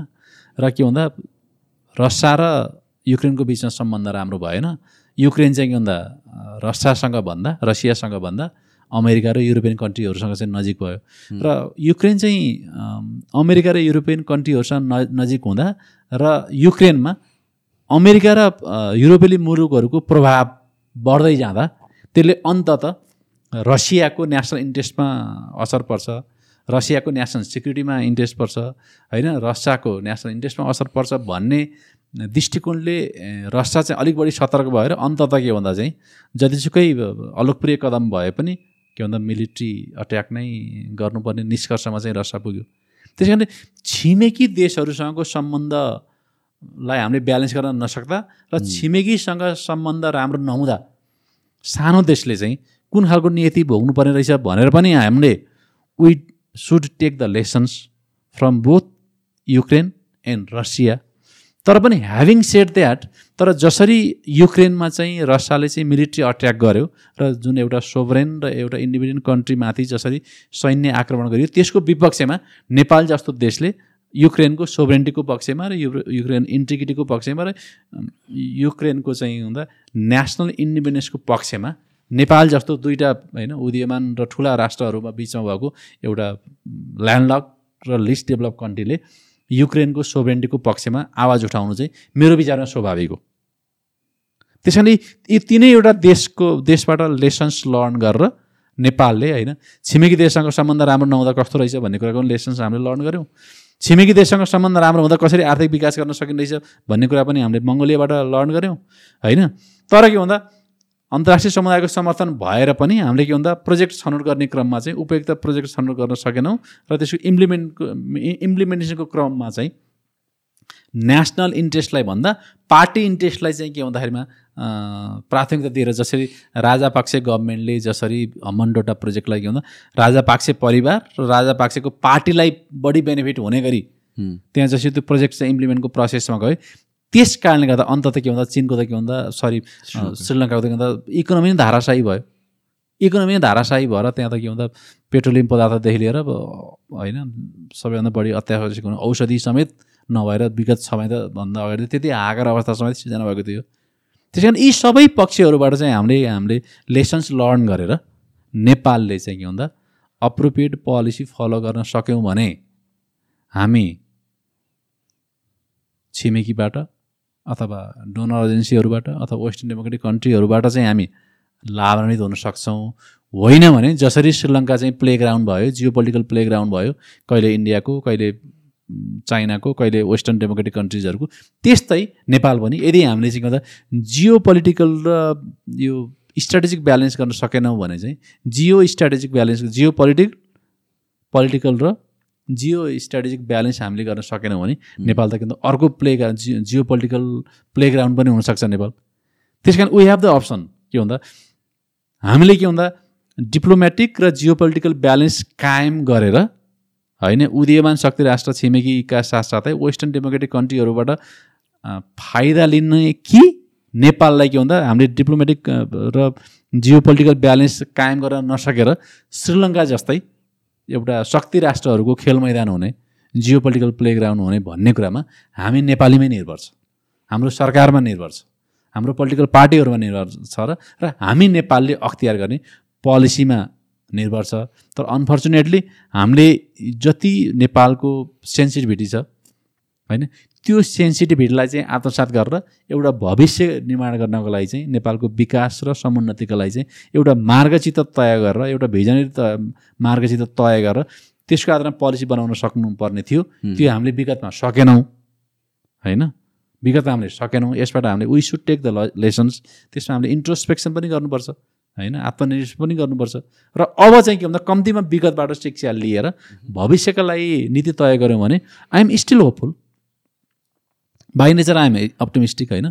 तर यदि हामीले जुन विषय हामीले छलफल गरिरहेको छौँ यसलाई चाहिँ पोलिटिकल पार्टी र गभर्मेन्टले चाहिँ होइन सिरियस लेसन्स लर्न गरेर हामीले चाहिँ उपयुक्त पोलिसी फलो गऱ्यौँ भने आइएम होपफुल सो यो तपाईँ पोलिसी हाम्रै लाइफ टाइममा नेपाल एउटा समृद्ध राष्ट्र पनि बन्न सक्छ। सो यो पोलिसिज ड्राफ्ट गर्ने कुरामा चाहिँ गभर्मेन्ट कतिको सिरियस छ? प्रायोरिटी हो कि विगतको अहिलेसम्मको सुशान्तजी अहिलेसम्मको हाम्रो नेपालको पोलिटिकल पार्टी र पोलिसी ड्राफ्टिङ प्रोसेस र हाम्रो पोलिटिकल पार्टीका नेताहरूको नजिर र साइकोलोजीको अध्ययन गर्दा धेरै अप्टिमिस्टिक नोट छैन धेरै पोजिटिभ नोट चाहिँ छैन होइन? तर अहिले विगत केही समयदेखि जब हामीले संविधान जारी गरिसकेपछि विगतमा त हाम्रो करिब होइन एक दशक त हाम्रो के भन्दा डोमेस्टिक कन्फ्लिक्टमा गयो इन्सर्जेन्सीमा गयो अरू एक वर्ष अरू एक दशक चाहिँ हामीले के भन्दा होइन शान्ति प्रक्रिया कम्प्लिट गर्ने नयाँ संविधान जारी गर्ने प्रक्रियामा हाम्रो करिब करिब एक दशक गयो होइन। तर त्यो संविधान जारी गरिसकेपछि अब के भन्दा अहिले नेपाली पिपुलमा चाहिँ के भन्दा यो डेभलपमेन्ट एन्ड इकोनोमिक प्रस्पेरिटी र डेलिभरीको पोलिटिक्स चाहिँ सुरु भएको छ अहिले होइन। अहिले नयाँ पोलिटिकल पार्टीहरू पनि देखिएका छन् होइन भइरहेका मूलधारका पोलिटिकल पार्टीहरूले पनि अलिकति डेलिभरीको पोलिटिक्सलाई गभर्नेन्सको पोलिटिक्सलाई डेभलपमेन्टको पोलिटिक्सलाई र इकोनोमिक प्रस्पेरिटीको एजेन्डा चाहिँ अहिले अलिक अलिकति प्राइम भएर चाहिँ आएको छ होइन? त्यस कारणले अब यो पोलिटिकल पार्टीदेखि पब्लिक डिबेटसम्म हामी होइन सार्वजनिक सञ्चार माध्यम पढ्दा पनि है पेपर पढ्दा पनि त्यही देखिन्छ टेलिभिजन पनि त्यही आइरहेको हुन्छ होइन? सोसियल मिडियामा पनि त्यही भएको हुन्छ होइन? न्यु मिडियाहरूमा पनि त्यही भइरहेको हुन्छ हामी पड पडकास्टमा पनि त्यही बारेमा बहस भइरहेको हुन्छ। त्यस कारण अहिले जुन यो यो अहिले चाहिँ जुन एउटा एउटा डेभलपमेन्टको हङ्गरको स्टेजमा चाहिँ अहिले हामी छौँ र खास गरी नयाँ पुस्ताले पनि अहिले अलिकति पोलिटिक्समै पनि अलिक सशक्त हस्तक्षेप गरेर होइन हाम्रै लाइफ टाइममा नेपाल बनाउनु पर्ने हुन्छ। नेपाल बनाउने भनेको के भन्दा पोलिटिक्स नै हो त्यो पनि गभर्मेन्टमै गएर गर्नुपर्ने हुन्छ। त्यस कारणले भनेर पोलिटिक्स पोलिटिकल पार्टीभित्र पनि त्यो यङ्गर जेनेरेसनले चाहिँ अलिक सशक्त हस्तक्षेप गर्न खोजेको देखिन्छ। र पोलिटिक्सभन्दा बाहिर रहेका स्कलरहरूले पनि पोलिटिक्स नै सुधारौँ पोलिटिकल पार्टी सुधारौँ त्यसपछि के भन्दा गभर्नेन्स सुधारौँ। अनि के भन्दा डेलिभरी गरौँ भन्ने खालको जुन खालको अहिले बहस चलिरहेको छ यसको आधारमा हेर्दा चाहिँ म अलिकति आगामी दिनहरू चाहिँ विगतको भन्दा फरक हुन्छन्। र पोलिटिकल पार्टीहरूले पनि यो जनताको भावनालाई चाहिँ आत्मसात गरेर अगाडि बढ्न सक्यो भने पिपुलले उनीहरूलाई म्यान्डेट दिन्छन् ट्रस्ट गर्छन्। अदरवाइज चाहिँ पिपुलले अलवेज हेभ द अल्टरनेटिभ्स होइन ए नभए बी हुन्छ बी नभए सी हुन्छ सी नभए डी हुन्छ। तपाईँ नभए म हुन्छ म नभए अर्को हुन्छ त हामी दुईजना नभए अर्को नयाँ पात्र आउँछ नयाँ पार्टी आउँछ। त्यस कारणले जनतासँग विकल्प छ होइन? त्यस कारणले यो सन्दर्भमा एनालिसिस गर्दा चाहिँ हाम्रो आगामी दिन चाहिँ विगतको भन्दा अलिकति फरक चाहिँ हुन सक्ने सम्भावना चाहिँ म बढी देख्छु। नाउ यो जुन पोलिटिकल भिजिटहरू हुन्छ जस्तो कि हाम्रै प्रधानमन्त्रीहरू हाम्रै डिफ्रेन्ट मन् मन्त्रीहरू डिफ्रेन्ट कन्ट्रिजहरू भिजिट गर्नुहुन्छ अर डिफ्रेन्ट कन्ट्रीको पावरफुल पिपलहरू नेपाल भिजिट गर्नुहुन्छ त्यसले कतिको इफेक्ट गर्छ हाम्रो हाम्रो यो होल पोलिसी मेकिङमा त्यसको प्रभाव स्वाभाविक रूपमा हुन्छ किनभने हामीले अगाडि पनि छलफल गऱ्यौँ नेपालमा होइन शक्ति होइन उदीयमान शक्ति राष्ट्रहरू भारत र चिन पनि प्रभाव विस्तार गर्न चाहन्छन्। होइन सुपर पावर अमेरिका पनि नेपालमा आफ्नो प्रभाव विस्तार गर्न चाहन्छ। हरेक मान्छेहरू हरेक कन्ट्रीहरूको होइन अरू देशहरूको पनि नेपालमा प्रभाव विस्तार गर्न चाहन्छन्। होइन हामी नेपाली जनताको मायाको कारणले गर्दा कसैले पनि हामीलाई सहयोग गरे होइन। त्यो भारतले पनि होइन। त्यो चिनले पनि होइन। आफ्नो सेल्फ इन्ट्रेस्ट त त्यो अमेरिकाले पनि होइन अरू कुनै पनि देशले होइन। उनीहरूको आफ्नो इन्ट्रेस्ट भएको कारणले गर्दा। होइन? किन भन्दा उनीहरू नेपालमा चाहिँ आफ्नो प्रभाव विस्तार गर्न चाहन्छन्। होइन? नेपालमा प्रभाव विस्तार गर्न चाहने कारणले गर्दा नेपालमा स चाहे त्यो डेभलपमेन्ट प्रोजेक्ट होस् चाहे गभर्मेन्टसँगको रिलेसन्स होस् चाहे ट्रेड एन्ड ट्रान्जिटका कुरा हुन् चाहे एडका कुरा हुन् यी सबै कुरा के भन्दा आफ्नो नेपालमा प्रभाव विस्तार गर्नका लागि उनीहरूले अख्तियार गरेका अस्त्रहरू हुन्। एमसिसी पनि त्यही नै हो।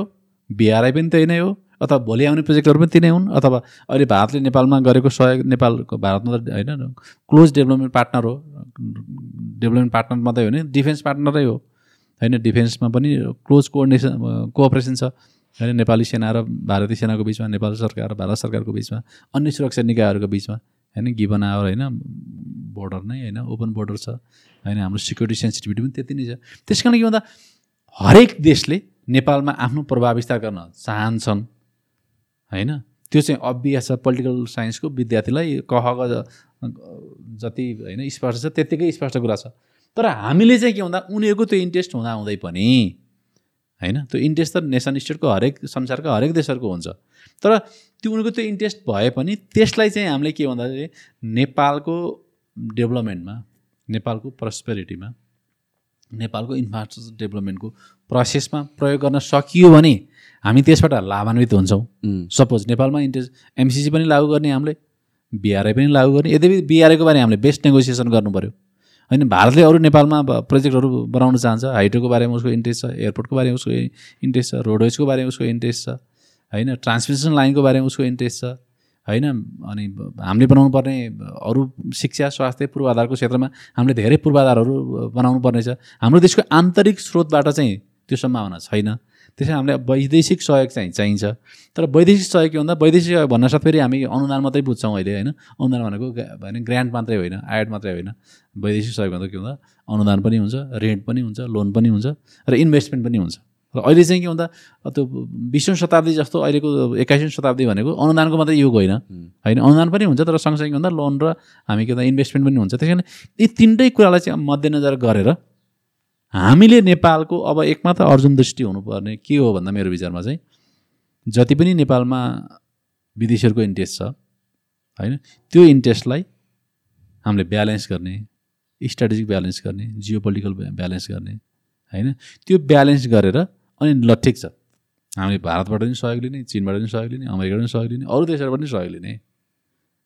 खालको पोलिसी हामीले अनुसरण गऱ्यौँ भने हामी त्यसबाट लाभान्वित लाभान्वित हुन्छौँ।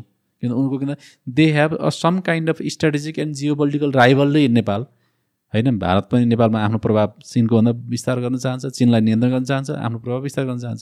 चिन पनि के भन्दा ट्रेडिसनली नेपालमा चाहिँ भारतको प्रभाव बढी हो तर म चाहिँ अब सुप्रभाव भइसकेँ। म नेपाललाई अरू प्रभाव विस्तार गर्नु भन्न चाहन्छ।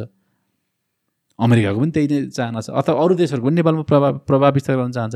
उनीहरूको आपसमा नेपालमा प्रभाव विस्तार गर्ने प्रतिस्पर्धा छ भने जियो पोलिटिकल राइभल्ली छ भने होइन स्ट्रेटेजिक राइभल्ली छ भने त्यो राइभललाई हामीले केमा परिणत गर्न पऱ्यो भन्दा हामीले के भन्दाखेरि नेपालको आर्थिक सहयोगमा नेपालको विकासमा सहयोग गर। र ठिक छ।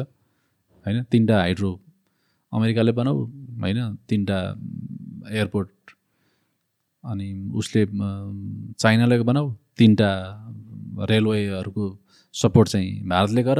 अथवा अरू नेपालमा जो जो देशहरू आउन चाहन्छ तिनीहरूसँग हामीले बेस्ट नेगोसिएसन गर्न सक्नु पऱ्यो कि?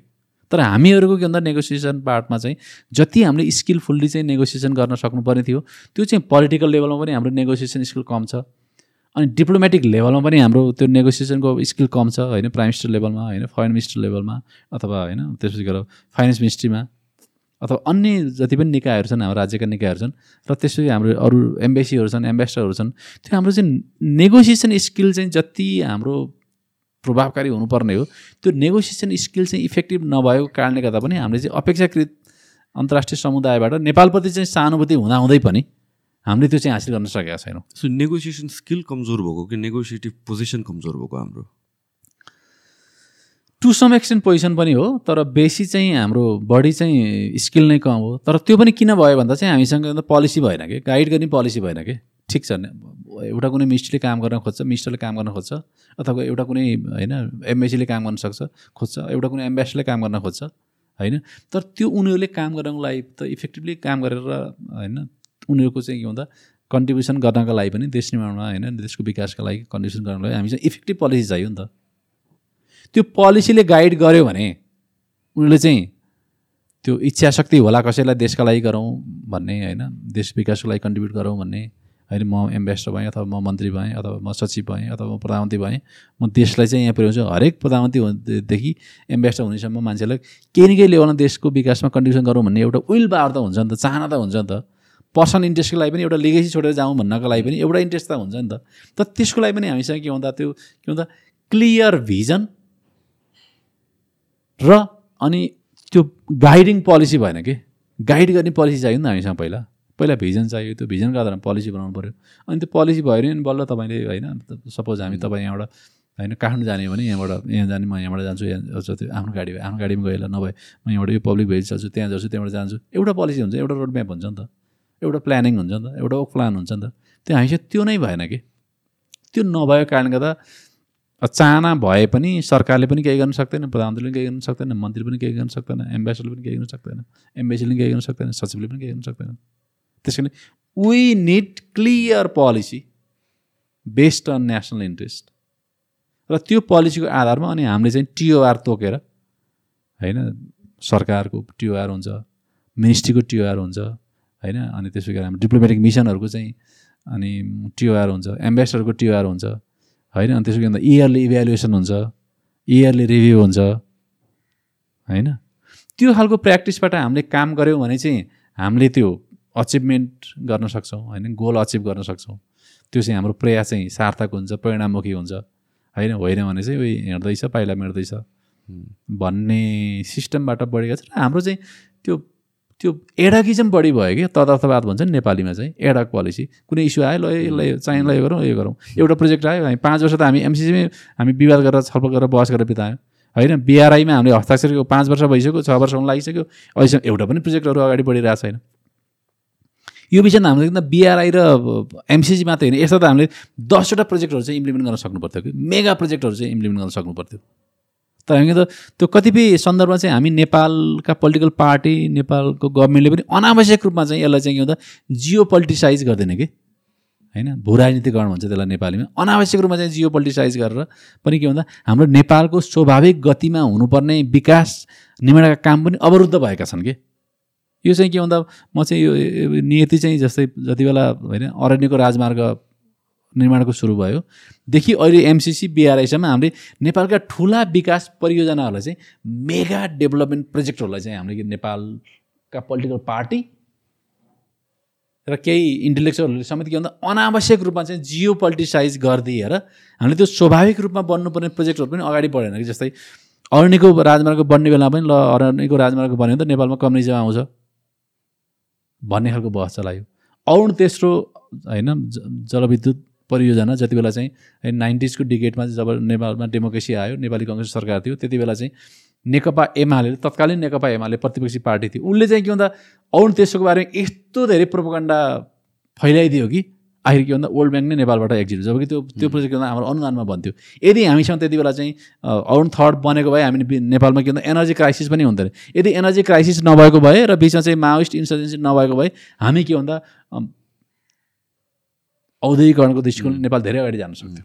डेफिनेटली होइन? त्यस बिचमा के भन्दा हामीले त्यसपछि कतिपय डेभलपमेन्ट प्रोजेक्टहरू आए। त्यसपछि गएर एमसिसीकै बारेमा बहस भयो बिआरआईकै बारेमा बहस भयो। एमसिसी कार्यान्वयन हुनु पनि त पाँच वर्ष लाग्यो नि त। बिआरआई पनि के भन्दा छ वर्ष हुन लागिसक्यो अहिले एउटा पनि प्रोजेक्ट अगाडि बढिरहेको छैन। कतिपय नेपालमा चाहिँ ठुला विकास परियोजना हुन्छन् जस्तै बुढी बुढी गण्डकी पनि कति वर्षदेखि चाहिँ हामीले बहस गरिरहेछौँ। तर इम्प्लिमेन्ट भइरहेको छैन। होइन वेस्ट सेतीदेखि लिएर होइन सम्मका प्रोजेक्टहरूको हामी। बहस विवाद बढी भयो। हामी नेपालले नै के भन्दा आवश्यकताभन्दा बढी यस्ता मेगा डेभलपमेन्ट प्रोजेक्टहरूलाई चाहिँ के भन्दा चाहिँ जियो पोलिटिसाइज गरिदिउँ हामीले। भू राजनीतिकरण गरिदिउँ ए यसमा चिनको यो इन्ट्रेस्ट छ भारतको इन्ट्रेस्ट छ।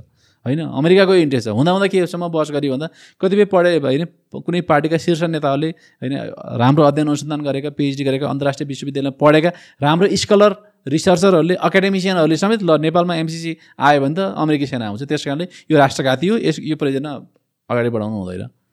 भन्ने खालको अतिरञ्जित विशेषणहरू समेत गरेर प्रदूषित नेपाली राजनीतिलाई नै प्रदूषित बनाएर त्यो परियोजना कायम हुनै पाँच वर्षभन्दा ढिलो भयो। त्यस कारण यस्ता यस्ता कारणले गर्दा पनि नेपालले चाहिँ त्यो स्वाभाविक गतिमा हुनुपर्ने विकास निर्माणका प्रक्रियाहरू पनि अवरुद्ध भएका छन्।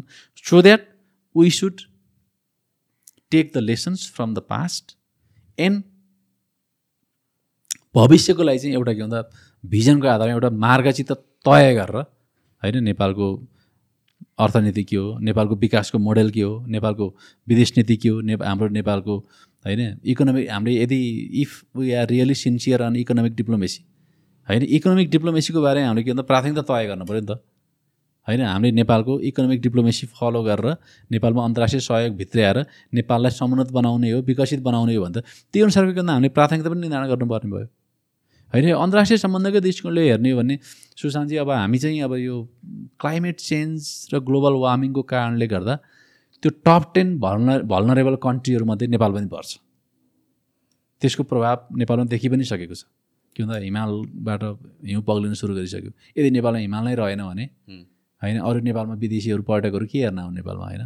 नेपाली हामी रहँला कहाँ हिमालय नरहे। नेपाली हामी रहँला कहाँ नेपाली नरहे हिमालय उचाइ नै नरहे भनेर जसरी उसले चाहिँ माधव भेरेको कविता थियो त्यस्तै। त्यस कारणले यदि अन्तर्राष्ट्रिय मञ्चमा नेपालले इफेक्टिभ डिप्लोमेटिक रोल गर्न सक्ने भनेको के भन्दा जस्तै अब अमेरिका चाइना इन्डिया बेलायत लगाएका कन्ट्रीहरूले चाहिँ उनीहरू हार्ड पावरमा चाहिँ उनीहरू सक्षम छन्। होइन? उनीहरू चाहिँ हार्ड पावरमा हुनुहुन्छ। तर हामी चाहिँ के भन्दा क्लाइमेट चेन्ज र ग्लोबल वार्मिङको दृष्टिकोणले चाहिँ नेपाल चाहिँ टप टेन भलनरेबल कन्ट्रीमा पनि पर्छ। त्यस कारण यो क्षेत्रमा चाहिँ नेपाल चाहिँ अन्तर्राष्ट्रिय फोरममा च्याम्पियन हुनसक्छ। जसरी नर्वेले जसरी स्विजरल्यान्डले साना देशहरू छन् नि उनीहरू चाहिँ। स्विजरल्यान्ड पनि नेपाल जस्तै ल्यान्डलक कन्ट्री हो होइन? नर्वेले शान्ति स्थापना र द्वन्द्व व्यवस्थापनको क्षेत्रमा जसरी उनीहरू चाहिँ ग्लोबल्ली उनीहरू चाहिँ एउटा च्याम्पियन भएर एउटा होइन पिसमा डिप्लोमेसीमा उनीहरू चाहिँ त्यो भूमिका निर्वाह गरिरहेछन्। त्यस्तै क्लाइमेट चेन्ज र ग्लोबल वार्मिङको कारणले गर्दा टप टेन भलनरेबल कन्ट्रीमा नेपाल पर्छ।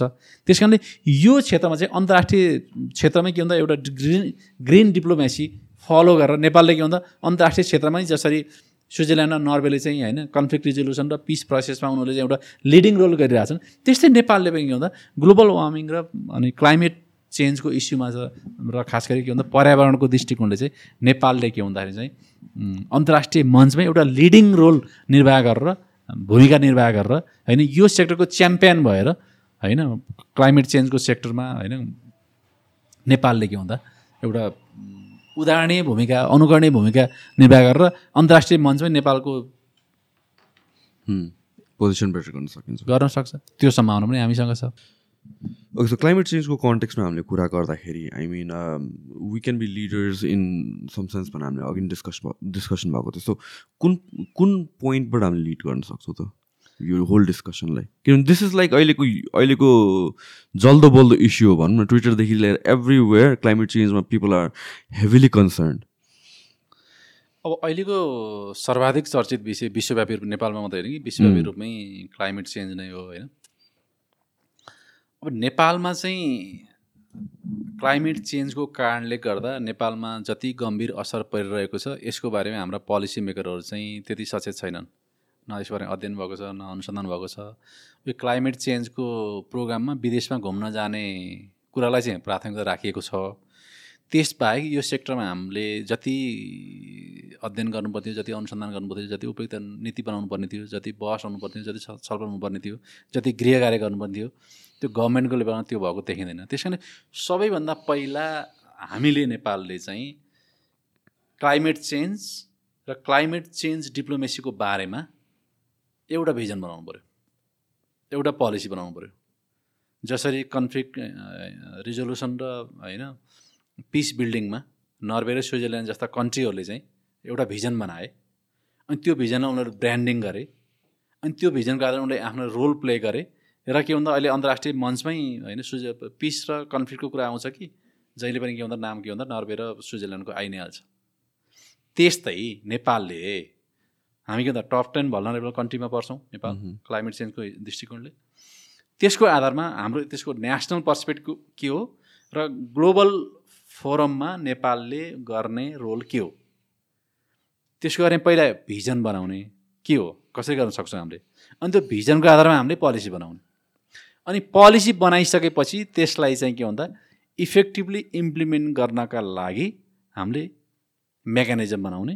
र त्यो मेकानिजमलाई लिड गर्न सक्ने सक्षम नेगोसिएटर सक्षम एम्बेसडर सक्षम फरेन मिनिस्टर र सक्षम अन बिहाफ अफ नेपाल गभर्मेन्टको प्रतिनिधित्व गर्ने हामीले के भन्दा त्यो मेकानिजम बनाउन सक्यौँ भने यसमा चाहिँ हामीले काम गर्न इफेक्टिभली काम गर्न सक्यौँ। तपाईँले अगाडि पनि सङ्केत गर्नुभएको थियो कि नेपालमा पोलिसी नै भए पनि हाम्रो पोजिसन यस्तो छ कि हामी नेगोसिएसन नै गर्न सक्दैनौँ।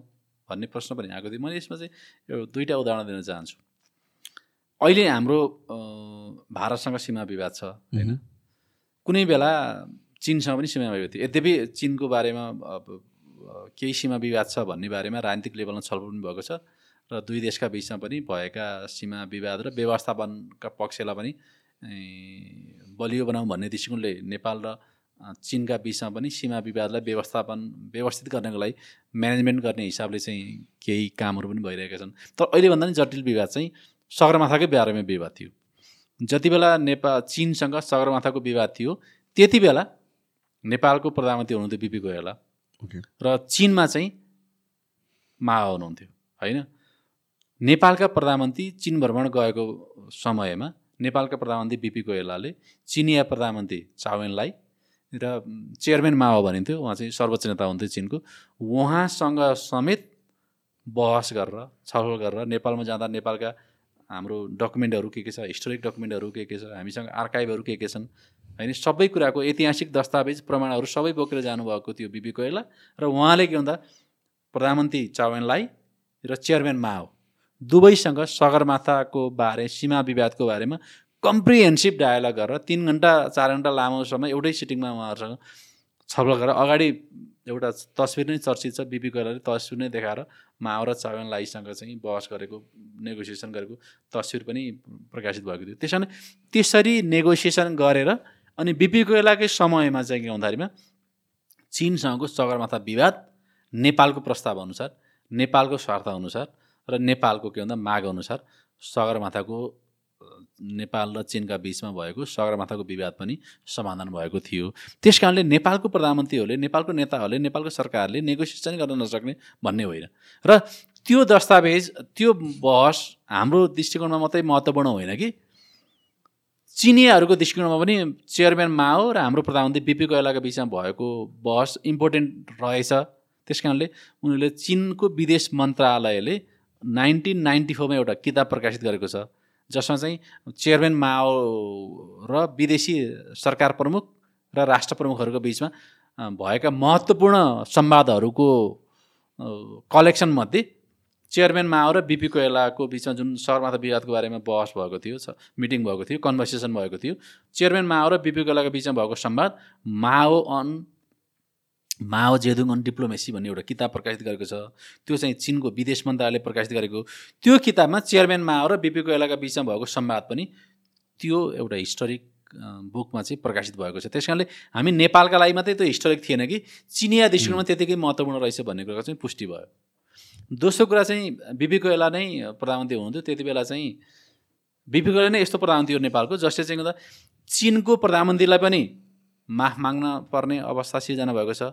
र भारतीय प्रधानमन्त्री जवाहरलाल नेहरूले पनि नेपालसँग चाहिँ माफ मागेका छन्। किन त दुईवटा प्रसङ्गमा यति बेला कुनै प्रसङ्गमा चाहिँ भारतीय प्रधानमन्त्री जवाहरलाल नेहरूले के भन्यो भन्दा यदि नेपालमा कुनै होइन हिमालयमा कुनै देशले आक्रमण गर्यो भने हाम्रो सेना चाहिँ के भन्दा हिमालय पर्वतसँग पुग्छ भनेर उनले चाहिँ संसदमा भाषण गरे त्यसमा बिपी कोइरालाले चाहिँ नेपाल भनेको इन्डिपेन्डेन्ट कन्ट्री हो नेपाल भनेको सोभरेन कन्ट्री हो।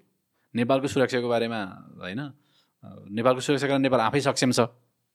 त्यस कारणले तिमीले चाहिँ जसरी भारतीय सेना चाहिँ हिमालय पर्वतसम्म पुग्छ भनेर भन्यो त्यो चाहिँ तुरुन्तै फिर्ता लियो भनेर चाहिँ नेपालको प्रधानमन्त्रीले बिपी कैलाले त्यो उहाँ जवाहरलाल नेहरूले त्यो कुरा सार्वजनिक गरेको चौबिस घन्टा नबित्दै नेपालमा प्रेस कन्फरेन्स गरेर आफ्नो नेपालको स्पष्ट धारणा राखेपछि जवाहरलाल नेहरूले चाहिँ के भन्दाखेरि चाहिँ त्यो आफ्नो कुरालाई फिर्ता लिएर नेपालसँग चाहिँ माफ मागेका थिए। र त्यसको दस्तावेज चाहिँ के भन्दा अवतार सिंह भासिन भन्ने एउटा इन्डियन स्कलर छन् होइन? उनले उनले उनद्वारा प्रकाशित किताबमा चाहिँ स्पष्ट दस्तावेज होइन? बिपी कोइरालाले के भन्नुभएको थियो? जवाहरलाल नेहरूले के भनेका थिए? र के भनेर माफ मागे भन्ने कुराको सविस्तार व्याख्या अवतार सिंह भासिनद्वारा सम्पादित नेपाल इन्डिया रिलेसन्स भन्ने एउटा बुक पाँच सिरिजको लामो बुकहरू छ। त्यसमा चाहिँ त्यो दस्तावेज सुरक्षित छ।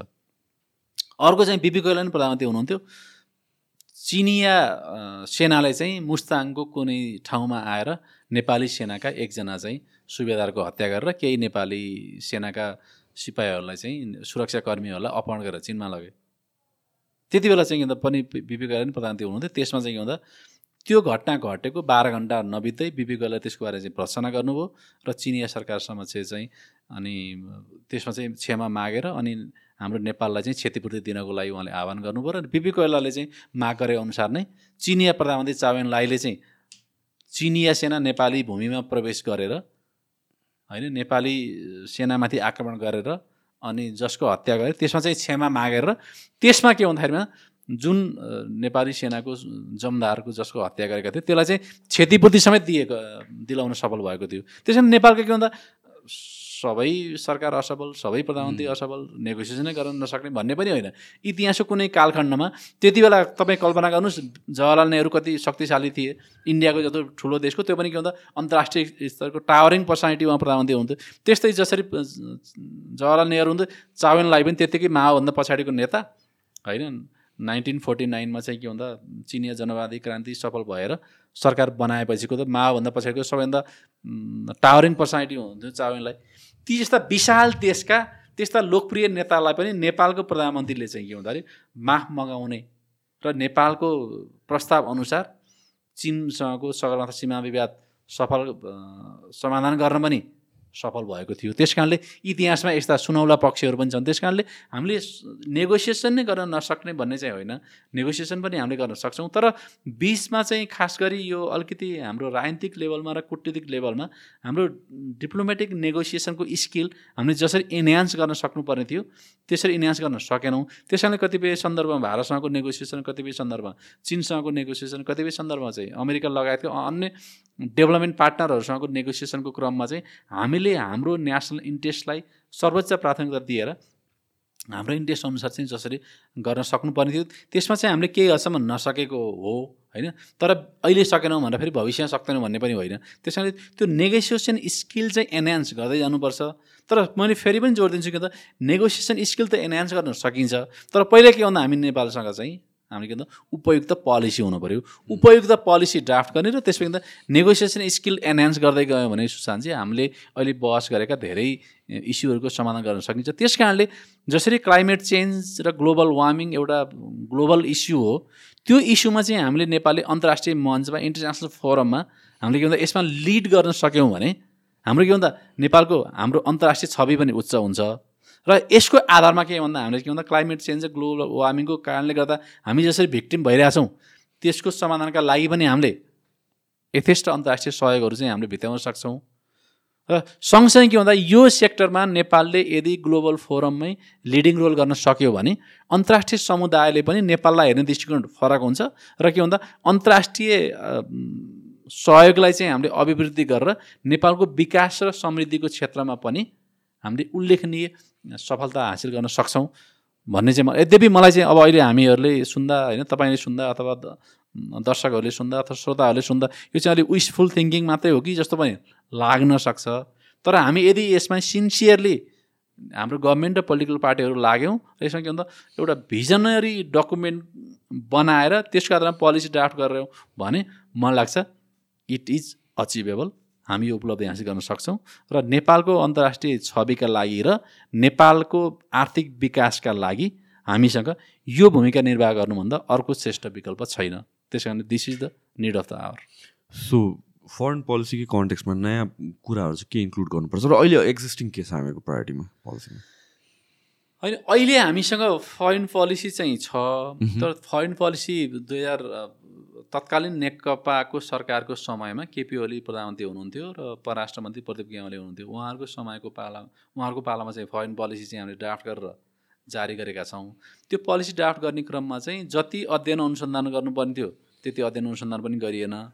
र त्यो पोलिसी ड्राफ्ट गर्ने क्रममा तत्कालीन प्रतिपक्षी पार्टी नेपाली कङ्ग्रेस लगायतका संसदमा प्रतिनिधित्व गर्ने सबै पोलिटिकल पार्टीहरूसँग पनि परामर्श गरेर त्यसपछि यो सेक्टरका एक्सपर्ट स्कलर्स एकाडेमिसियनहरूसँग पनि परामर्श गरेर अनि प्लस गभर्मेन्टका अरू इन्टरनल गभर्मेन्ट एजेन्सीहरूसँग पनि परामर्श गरेर एउटा पार्टिसिपेटरी कन्सल्टेटिभ डेमोक्रेटिक र ट्रान्सपरेन्ट प्रोसेसबाट चाहिँ ड्राफ्ट गर्नुपर्ने थियो त्यो पोलिसी। त्यो प्रोसेस चाहिँ त्यसरी गर्न सकिएन। त्यस कारणले त्यो पोलिसी पनि केही हदसम्म एउटा विवादास्पद डकुमेन्ट जस्तो भयो। तर त्यो त्यो जुन पहिला पोलिसी नै थिएन पोलिसी आयो त्यो राम्रो कुरा भयो। तर यसबाट चाहिँ के भन्दा अब यो सरकार बनेको छ अहिले होइन? यो सरकारले चाहिँ के भन्दा नेपालको विदेश नीतिलाई चाहिँ के भन्दा अब यसलाई अपडेट पनि गर्नु पऱ्यो रिभाइज पनि गर्नु पऱ्यो र यसलाई यसलाई के भन्दा के भन्दा एउटा एउटा सबै पोलिटिकल पार्टीहरूसँग कन्सल्टेसन गरेर एउटा सहमतिको आधारमा नयाँ विदेश नीति मस्यौदा गरेर सहमतिकै आधारमा जारी गर्ने खालको अभ्यास यो सरकारले गर्नु पऱ्यो अब पोलिसीको हिसाबले हेर्ने हो भने नेपालको राष्ट्रिय एकता नेपालको भौगोलिक अखण्डताको रक्षा गर्ने होइन असंलग्नता पञ्चशील संयुक्त राष्ट्रको बडापत्र विश्व शान्ति लगायतका त्यो ट्रेडिसनल कन्सेप्टहरू चाहिँ त्यो डकुमेन्टमा चाहिँ छ। तर मलाई चाहिँ के लागिरहेछ भन्दा चाहिँ हाम्रो नेपालको परराष्ट्र नीति पनि र नेपालको राष्ट्रिय सुरक्षा नीति पनि। त्यो के हुँदाखेरि चाहिँ हाम्रो एउटा एउटा मेटाफोर छ होइन याम भिडियो होइन जुन हाम्रो पृथ्वीनारायण शाहले नै जुन खालको मेटाफर भयो होइन दुई ढुङ्गा बिचको तरुल भन्ने होइन? अब हामी तरुल हुने हो कि? हामी चाहिँ अब ब्रिज हुने हो। त्यो मलाई चाहिँ के भन्दा त्यो त्यो याम डक्ट्रिनबाट चाहिँ के भन्दा याम मेटाफरबाट अब हामी के भन्दा ब्रिज डक्ट्रिनमा जानुपर्छ भन्ने छ मेरो चाहिँ। के भन्दा यत्रो उदीयमान दुइटा शक्ति बिचको होइन अब कन्ट्री छौँ हामी नेपाल होइन? यो त के भन्दा हामी त नेपाल अपर्च्युनिटी पो हो त। हामी ल्यान्ड लक्ड पनि हौँ होइन? तर सँगसँगै के भन्दा हामी ल्यान्ड लिङ्क्ड पनि हौँ। होइन विश्वको थर्टी फाइभ पर्सेन्ट इकोनोमी त इन्डिया र चिनको छ अहिले। विश्वको थर्टी फाइभ पर्सेन्ट इकोनोमी भएको देशहरूसँग हामी ल्यान्ड लिङ्क्ड पनि त छौँ नि त। होइन विगतमा भारतको कारणले गर्दा नेपालमा चार चारचोटि चाहिँ नाकाबन्दी भयो ब्लकेट भयो इकोनोमिक ब्लकेट भयो। त्यसको कारणले हामी नेपालीले दुःख पनि पायौँ। है तर सँगसँगै के भन्दाखेरि दुई हजार बहत्तरमा के भन्दा हामीले चिनसँग के भन्दाखेरि के भन्दा ट्रेड एन्ड ट्रान्जिट ट्रि ट्रिटी पनि त गऱ्यौँ। के भन्दा हामीले के भन्दा भारत अहिलेसम्म चाहिँ के भन्दा भारतसँग मार्फतै अन्तर्राष्ट्रिय व्यापार हुँदै आएको थियो। चिनसँग हामीले के भन्दा स्वतन्त्र व्यापार र पारवन समझौता सन्धि गरिसकेपछि त हामीले चिन मार्फत के भन्दा हामीले अन्तर्राष्ट्रिय व्यापार गर्न सक्ने भयो। होइन? हामी चिनले अहिले जुन सहमति सन्धि भयो त्यसको आधारमा हामीले चिनका चारवटा सिपोर्टहरूसँग नेपालको एक्सेस भयो। होइन? तिनवटा चाहिँ के भन्दा ल्यान्ड पोर्टहरूसँग नेपालको एक्सेस भयो। हामीले त्यसमा हस्ताक्षर गरेको पनि सात आठ वर्ष भइसक्यो। तर त्यसलाई चाहिँ के भन्दाखेरि हामीले कानुन गर्ने दृष्टिकोणले चाहिँ जति गम्भीरतापूर्वक हामीले काम गर्न सक्नुपर्ने थियो त्यसमा सकेका छैनौँ। त्यो हामीसँग अपर्च्युनिटी पनि त छ नि। त्यसै हामी के भन्दा त्यो याम डक्ट्रिनबाट हामी के भन्दा ब्रिज डक्ट्रिनमा जानु पऱ्यो र हाम्रो के भन्दा त्यो हाम्रो सोचाइ नै के भन्दा कन्भेन्सनल भयो कि? कन्भेन्सनल त्यसपछि के भन्दा ट्रेडिसनल भयो। हामी खालि डिफेन्सिभ भयौँ। फरेन पोलिसी नै हामी डिफेन्सिभ सिक्युरिटी पोलिसी नै हामी डिफेन्सिभ अनि के भन्दा मेटाफर के भयो भन्दा याम भयो। त्यस कारणले गर्दा ल्यान्ड लक पनि हो तर ल्यान्ड लिङ्क पनि हो। होइन? अब हामी केसँग के भन्दा हामी टोटल डिपेन्डेन्सी पहिला हामी इन्डियामा मात्रै थियो। तर किन त चिनसँग हामीले त्यो हस्ताक्षर गरिसकेपछि होइन ट्रेड एन्ड ट्रान्जिटको हस्ताक्षर गरिसकेको हामी के भन्दा चिन मार्फत के भन्दा अन्तर्राष्ट्रिय व्यापार पनि हामीले गर्न सक्ने भयौँ। तर त्यसका लागि चाहिँ हामीले भौतिक पूर्वाधार बनाउनु पर्नेछ। त्यो भौतिक पूर्वाधार बनाउने क्रममा चाहिँ हामीले जति काम गर्नुपर्ने थियो त्यो त्यसअनुसार हामीले काम गर्न सकेका छैनौँ। त्यसपछि के भन्दा के गर्दा हामीले अगाडि छलफल गरे जस्तै खास गरी क्लाइमेट चेन्ज र ग्लोबल वार्मिङको सेक्टरमा चाहिँ हामी नेपालले चाहिँ एउटा एउटा लिडिङ रोल गर्न सक्छ। त्यसमा हामीले भिजन बनाऊ भिजनको आधारमा पोलिसी बनाऊ। त्यसपछि हामीले अर्को गर्नुपर्ने के हुँदा भन्दाखेरिमा चाहिँ हामीले अलिक केही चाहिँ कन्ट्री स्पेसिफिक पनि पोलिसी बनाउनु पऱ्यो जस्तै नेपालको भारत नीति के हो? नेपालको चिन नीति के हो? नेपालको अमेरिका नीति के हो? नेपालको के भन्दा होइन होइन मिडल इस्टमा अथवा मलेसियामा अथवा साउथ कोरियामा हाम्रो धेरै नेपाली दाजुभाइ दिदीबहिनीहरू गएको छन् होइन युवा साथीहरू जानुभएको छ त्यहाँ रोजगारीको लागि। ती देशमा चाहिँ होइन लेबर डेस्टिनेसन कन्ट्रीमा हाम्रो लेबर डिप्लोमेसी के हो? हाम्रो लेबर पोलिसी के हो? होइन केही चाहिँ हामीले कन्ट्री स्पेसिफिक पोलिसी बनाउनु पर्ने भयो। के चाहिँ के भन्दा के भन्दाखेरि के भन्दाखेरि विषयगत विषयमा पनि हामीले के भन्दा नीति बनाउनु पर्ने भयो। ती नीतिहरू बनायो भने होइन? आखिर विदेशमा गएका नेपाली दाजुभाइकै रेमिडेन्सको कारणले गर्दा हामी अलिक सर्भाइभ भएको छौँ। भनेपछि त्यो त्यो लेबर पोलिसी हामीले बनाउँ कि नबनाउने? लेबर डेस्टिनेसन कन्ट्रीहरूको बारेमा फोकस गरेर हामीले त्यो विदेश नीतिलाई एउटा त्यसको अभिन्न अङ्ग बनाउने कि नबनाउने? यस्ता धेरै इस्युजहरू छ होइन? जस्तो लेबर डिप्लोमेसीकै बारेमा हामीले धेरै कुरा गर्नुपर्ने छ लेबर डेस्टिनेसन कन्ट्रीहरूको बारेमा हामीले स्पेसिफिक पोलिसी बनाउनु पर्ने छ क्लाइमेट चेन्जको बारेमा हामीले पोलिसी बनाउनु पर्ने छ हाम्रो हाम्रो होइन? इन्डिया चाइना होइन?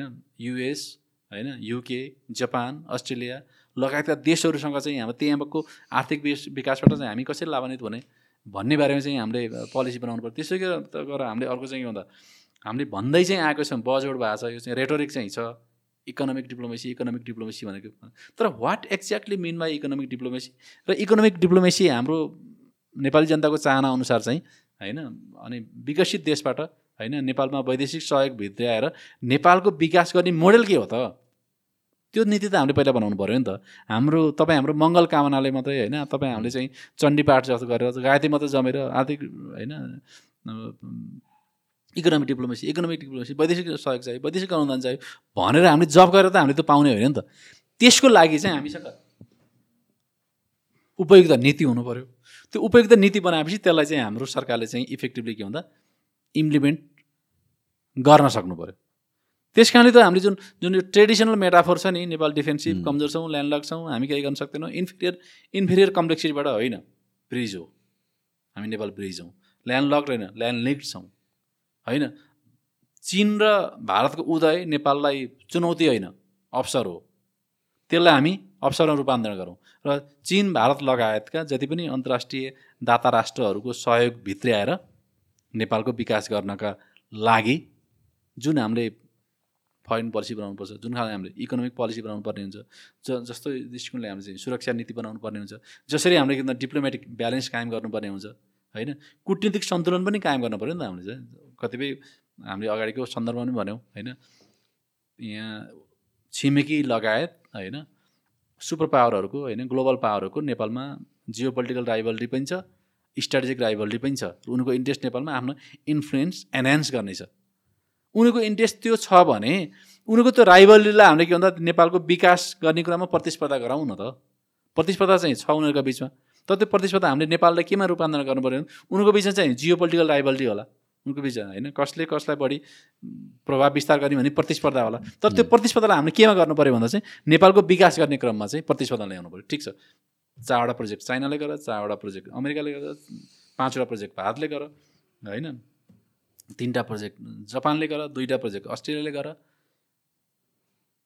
त्यसरी नेपालमा आफ्नो प्रभाव विस्तार गर्न भएको उनीहरूको बिचको प्रतिस्पर्धा आउने के भन्दा विकासमा रूपान्तरण गर्ने परियोजनामा रूपान्तरण गर्ने खालको पोलिसी हामीले फलो गऱ्यौँ भने हामी यसबाट लाभान्वित हुन्छौँ।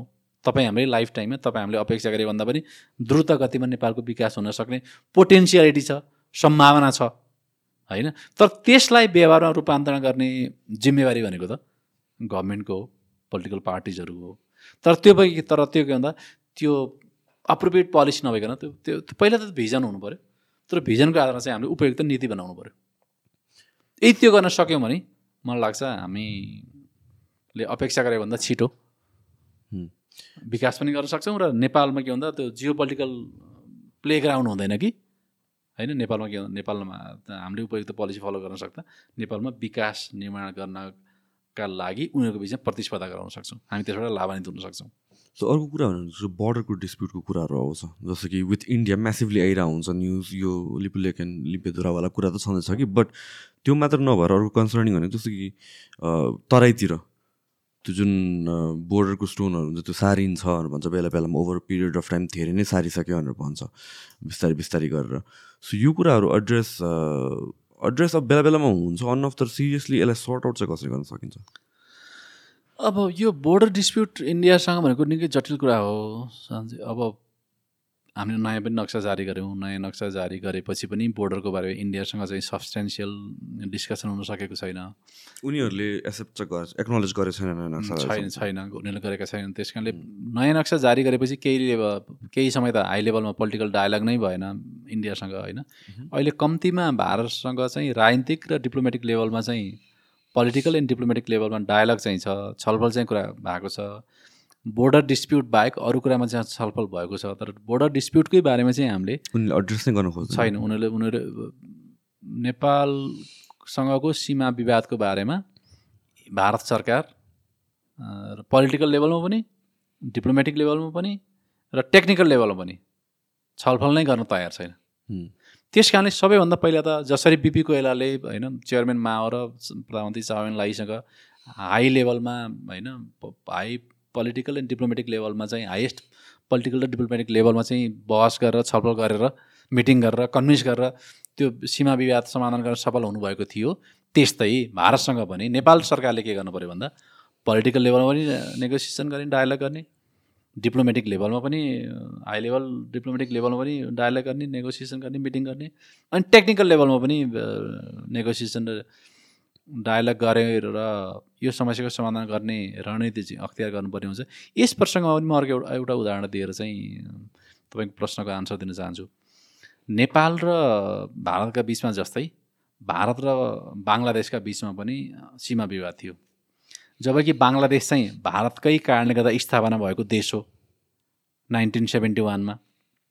पहिला त पूर्वी पाकिस्तान र होइन पश्चिम पाकिस्तान थियो। त्यसमा चाहिँ के भन्दा इन्डियाको सपोर्टमा बङ्गलादेशले के भन्दा स्वतन्त्र पाएको हो होइन? त्यो कुरा त घाम जतिकै छर्लङ्ग छ। तर जुन देशको स्थापना नै भारतको योगदानको कारणले त भयो त्यही देशसँग पनि भारत र बङ्गलादेशका बिचमा पनि सीमा विवाद थियो कि? दुई हजार चौध सन् दुई हजार चौधमा चाहिँ नरेन्द्र मोदी प्रधानमन्त्री हुनुभयो होइन? त्यसपछि उहाँ India Indian prime minister Narendra Modi चाहिँ बङ्गलादेश भिजिटमा जानुभयो ढाका। त्यो क्रममा चाहिँ के भन्दा विगत लामो समयदेखि बङ्गलादेशले चाहिँ भारतसँगको सीमा विवाद समाधान गर्ने दृष्टिकोणले पोलिटिकल लेभलमा नै कुराकानी हाई लेभल डायलग गरिरहेको थियो डिप्लोमेटिक लेभलमा पनि गरिरहेको थियो र टेक्निकल लेभलमा पनि गरिरहेको थियो बङ्गलादेशले विगत लामो समयदेखि। तर जति बेला सन् दुई हजार चौधमा मोदी बङ्गलादेश भिजिटमा जानुभयो ढाकामा त्यति बेला चाहिँ भारतले चाहिँ उदारतापूर्वक अधिकांश माग चाहिँ बङ्गलादेशले जे कुरा राखेको थियो त्यो कुरालाई मध्यनजर राखेर केही हदसम्म भारतले उदारता नै देखाएर भारत र बङ्गलादेश बिचको सीमा विवाद समाधान भयो। Hmm. त्यस्तै त्यसबाट हामी नेपालले लेसन्स लर्न गरेर हामीले के भन्दा हाई लेभल पोलिटिकल लेभलमा पनि डायलग गर्नु पऱ्यो मिटिङ गर्नु पऱ्यो नेगोसिएसन गर्नु पऱ्यो। डिप्लोमेटिक लेभलमा हाइएस्ट डिप्लोमेटिक लेभलमा पनि नेगोसिएसन पनि गर्नु पऱ्यो मिटिङ पनि गर्नु पऱ्यो डायलग पनि गर्नु पऱ्यो। त्यसै गर्दा टेक्निकल लेभलमा पनि के भन्दा त्यो इस्युलाई एलाइभ त राख्नु पऱ्यो नि त। त्यो तिनटै सेक्टरमा चाहिँ बङ्गलादेशले जसरी भारतसँग इङ्गेज भएर इङ्गेजमेन्टको पोलिटिक्स फलो गरे इङ्गेजमेन्ट डिप्लोमेसी फलो गरेर जसरी उनीहरू सफल भए त्यस्तै हामी नेपालले पनि हाइएस्ट पोलिटिकल लेभलमा पनि डायलग गर्ने हाइएस्ट डिप्लोमेटिक लेभलमा पनि डायलग गर्ने र टेक्निकल लेभलमा पनि डायलग गरेर नेगोसिएसन स्किललाई चाहिँ एनहान्स गरेर भारतसँगको सीमा विवाद चाहिँ समाधान गर्नुपर्ने हुन्छ हामीसँग फेरि पनि के भन्दा नेगोसिएसन भन्दा अर्को उपाय छैन. होइन? भारतसँग हामी के भन्दा युद्ध गरेर सीमा विवाद समाधान हुने होइन? हामी त्यो गर्न सक्दैनौँ। त्यस कारणले जहिले पनि स्मल कन्ट्रीको ल्यान्डलक कन्ट्रीको हामी नेपाल जस्तो स्मल र ल्यान्डलक कन्ट्रीको अस्त्र भनेकै डिप्लोमेसी हो।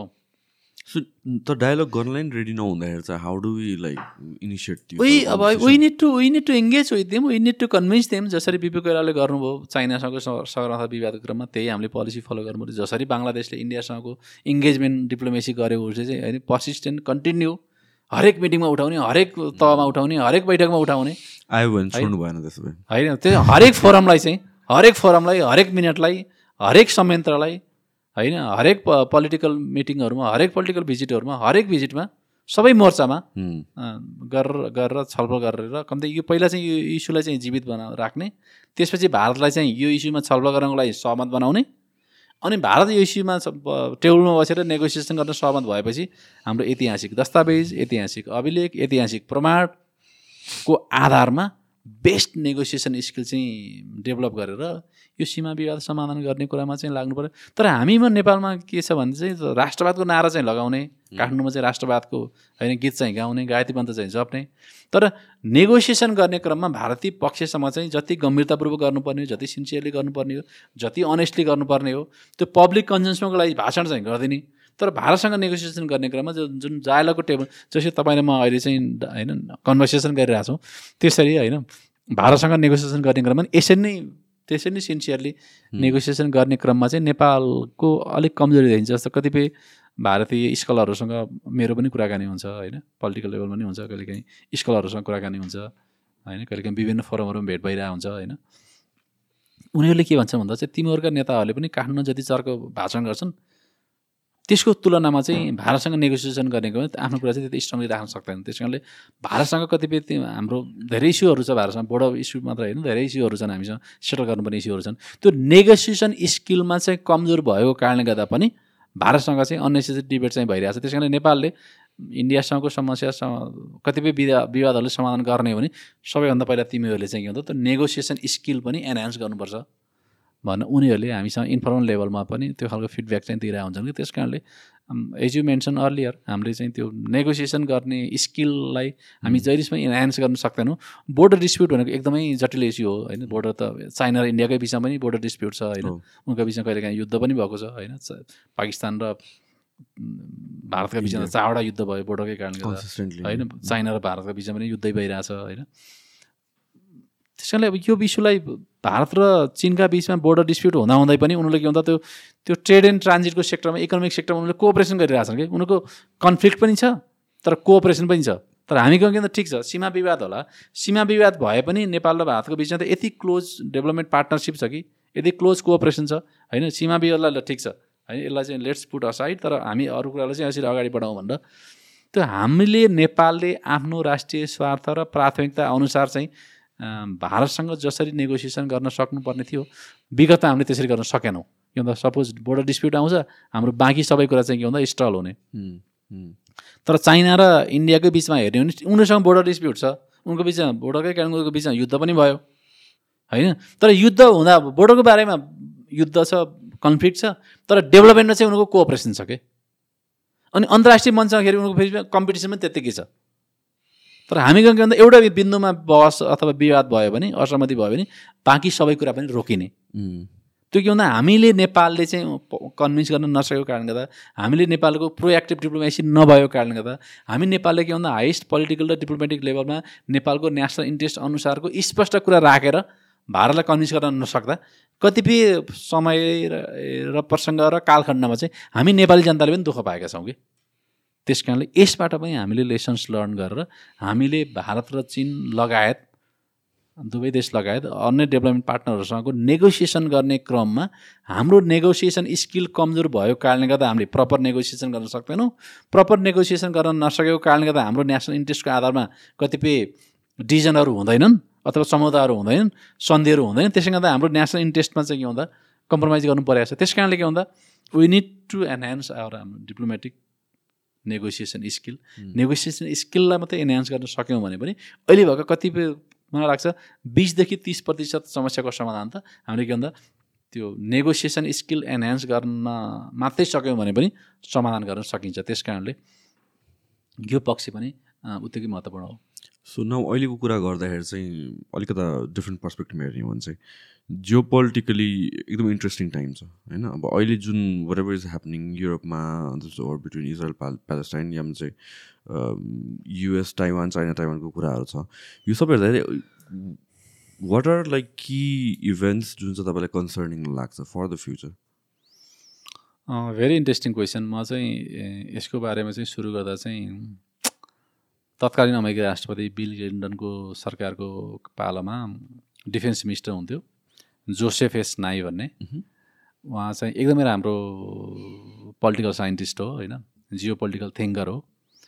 उनले चाहिँ के भनेका छन् भन्दा चाहिँ पहिले चाहिँ पावर वेस्टमा थियो। अब पावर के भन्दा वेस्टबाट के भन्दा इस्टमा सिफ्ट भयो। पहिला चाहिँ के भन्दा पावर केमा थियो भन्दा चाहिँ एटलान्टिक र पेसिफिक ओसनमा थियो। अब चाहिँ के त पावर सिफ्ट भएर कहाँ गयो भन्दा चाहिँ इन्डियन र पेसिफिक ओसनमा चाहिँ यो रिसेन्ट स्टेटमेन्ट हो। Okay the future of power भन्ने उनको बुक छ। किताबको नाम नै द फ्युचर अफ पावर हो होइन। त्यो के भन्दा त्यो पावरको फ्युचर के छ? उनले भविष्यवाणी गरेका छन् त्यसको एनालिसिस गरेका छन्। त्यस कारणले त्यो भन्दा वेस्टबाट इस्टमा सिफ्ट भयो पावर अनि एटलान्टिक र पेसिफिक ओसनबाट चाहिँ के भन्दा इन्डियन र पेसिफिक ओसनमा चाहिँ पावर सिफ्ट भयो। त्यसमा के भन्दाखेरिमा चाहिँ अबको के भन्दा सेन्चुरी भनेको एसियाको सेन्चुरी हो।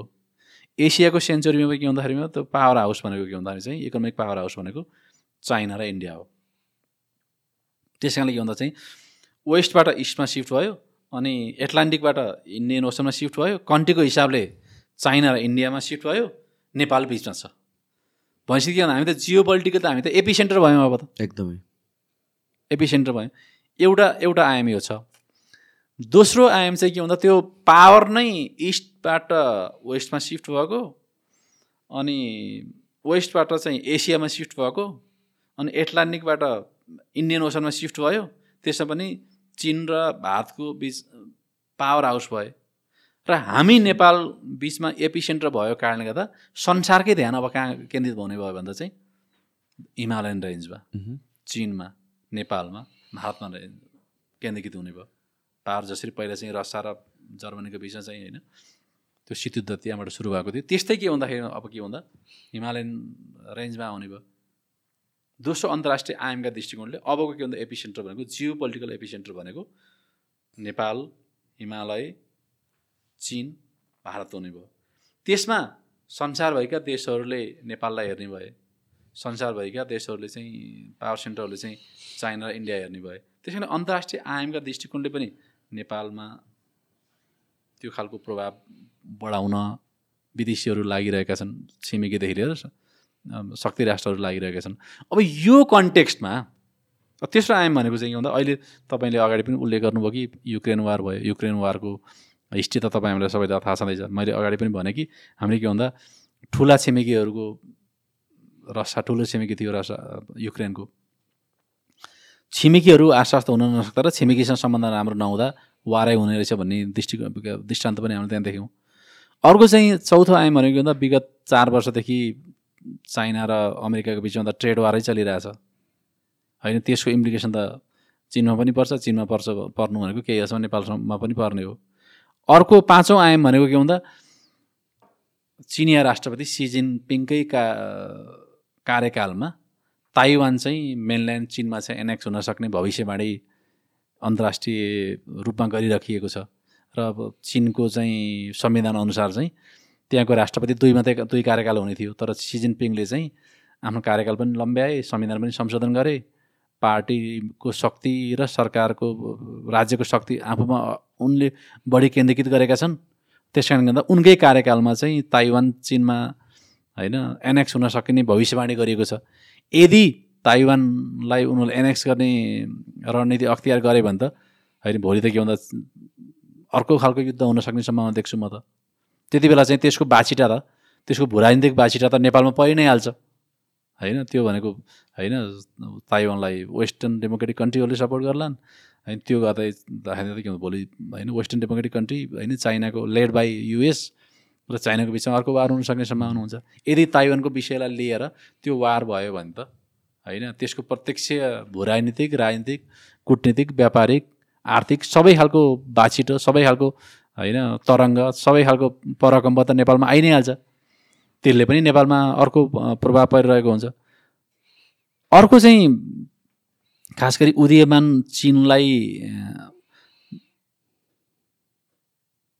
उसमा चाहिँ जो बाइडेन राष्ट्रपति भएपछि उनले दिएको पहिलो स्पिचमा विदेश नीति सम्बन्धी पहिलो स्पिच चाहिँ के थियो भन्दा अब अमेरि अमेरिकाको लागि चुनौती भनेको चिन हो।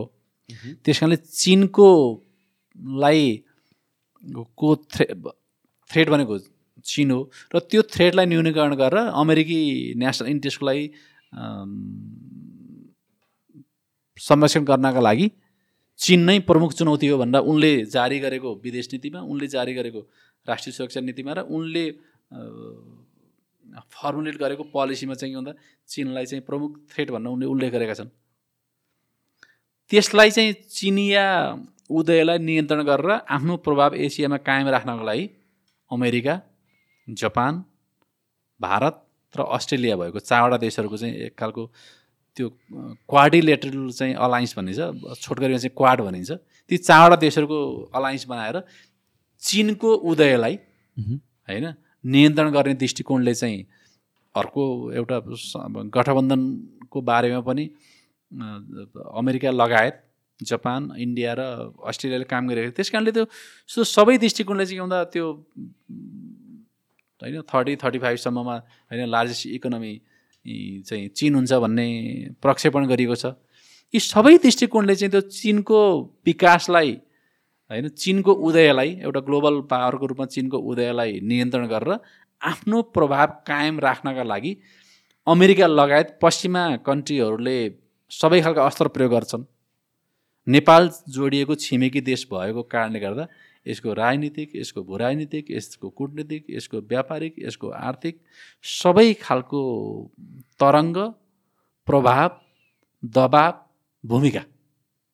नेपालमा हुने भएको कारणले गर्दा यी सम्पूर्ण राष्ट्रिय क्षेत्रीय र अन्तर्राष्ट्रिय आयामलाई समेत आत्मसात गरेर नेपालले चिनसँगको सम्बन्ध भारतसँगको सम्बन्ध अमेरिकासँगको सम्बन्ध होइन सैन्य सम्बन्ध होइन अनि व्यापार सम्बन्ध पारवान सम्बन्ध नियन्त्रण तय गर्नुपर्नेछ। होइन ए ग्लोबल पिक्चरदेखि रिजनल पिक्चर हुँदै नेसनल कन्टेक्सलाई समेत मध्यनजर गरेर।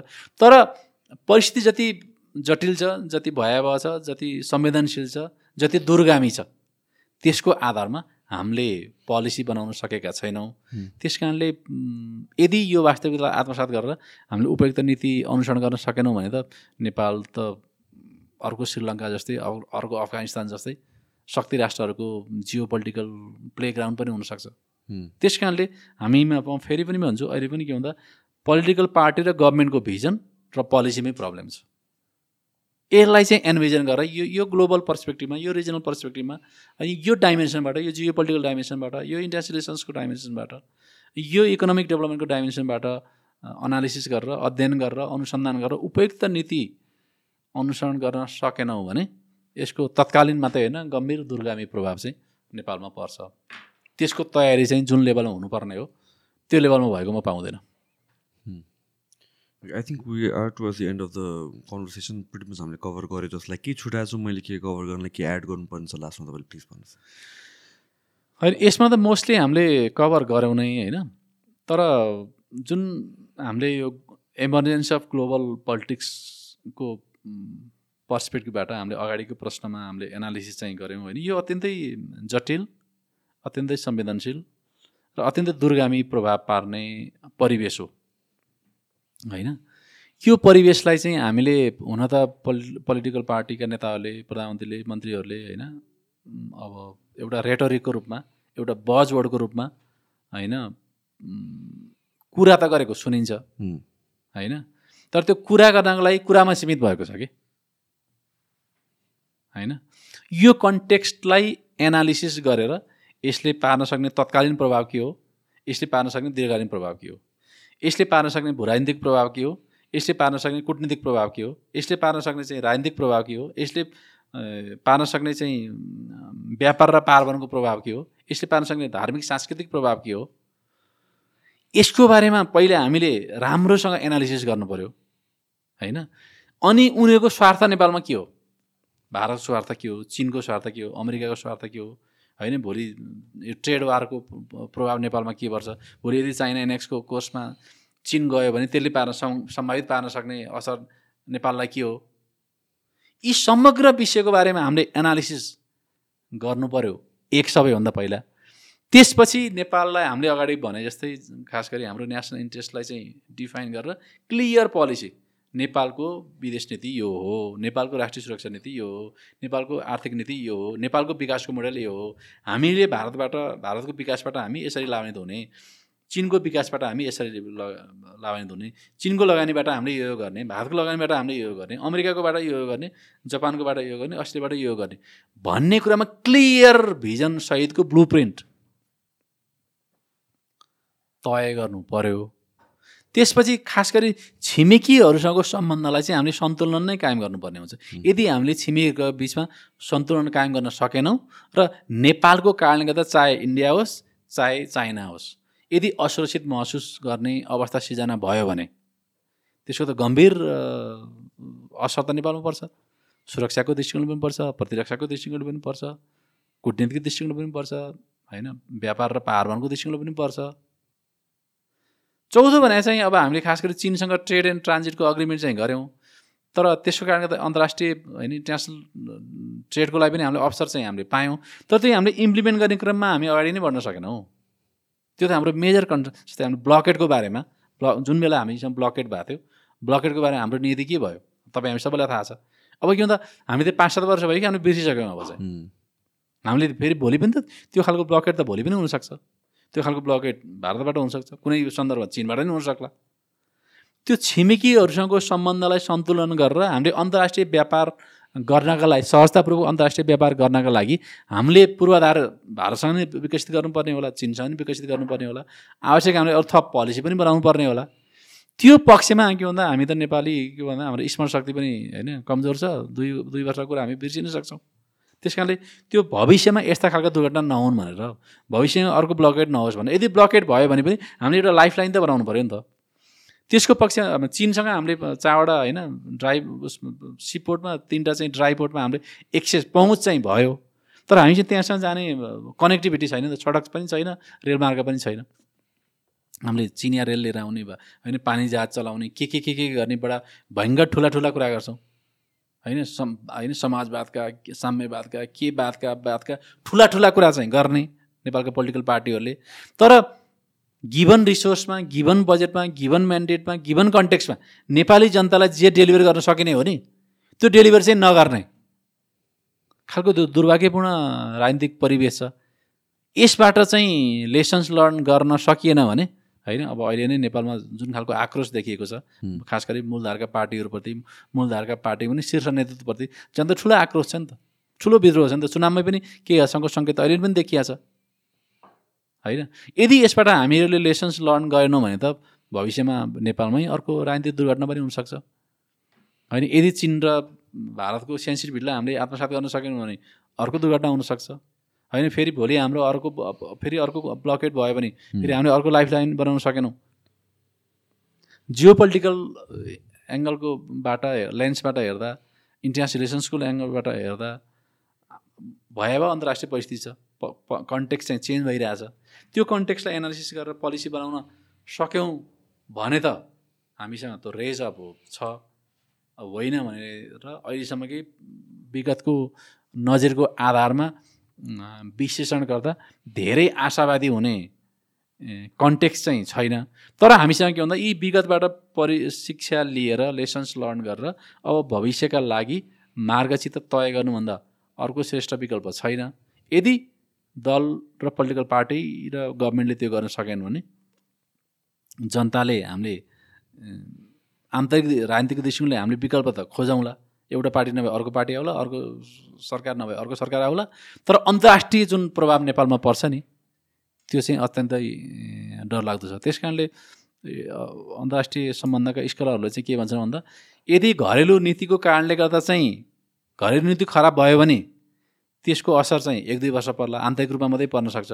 तर यदि हाम्रो विदेश नीति नै खराब भयो भने यदि हामीले के भन्दा अनुसरण गर्ने अन्तर्राष्ट्रिय समुदायसँगको सम्बन्धमै असर पऱ्यो भने त्यो घरेलु राजनीतिले गर्ने प्रभावभन्दा त्यो प्रभाव चाहिँ भयावह हुन्छ। त्यसको शिकार चाहिँ देश पनि हुन्छ जनता पनि हुन्छन् भन्ने वास्तविकतालाई समेत आत्मसात गरेर यो समग्र अन्तर्राष्ट्रिय परिदृश्यलाई समेत मध्यनजर गर्दै उपयुक्त नीति अनुसरण गरेर हामी प्रोएक्टिभ डिप्लोमेसी फलो गरेर छि उदीयमान छिमेकीका साथसाथै होइन अन्तर्राष्ट्रिय सम दाता समुदायबाट समेत बढीभन्दा बढी होइन अर्थ अन्तर्राष्ट्रिय सहयोग नेपालमा भित्र्याएर देशको विकास गर्ने रणनीति अख्तियार गर्नु नै अहिलेको लागि चाहिँ सबैभन्दा उपयुक्त रणनीति हो। समयको माग पनि यही हो नेपाली जनताको चाहना पनि यही नै हो। त्यो अर्को महत्त्वपूर्ण पक्ष भनेको चाहिँ हाम्रो नेपालको सफ्ट पावर हो। नेपालको हाम्रो सफ्ट पावर नेपालीमा चाहिँ हामी सौम्य शक्ति भन्छौँ होइन? त्यो सफ्ट पावरकै रूपमा चाहिँ बढी चर्चा हुन्छ। त्यो मलाई चाहिँ के लाग्छ भने मलाई स्टिल उसमा चाहिँ त्यो हेनरी किसिन्जरले पनि अन चाइना भन्ने उनको किताब छ।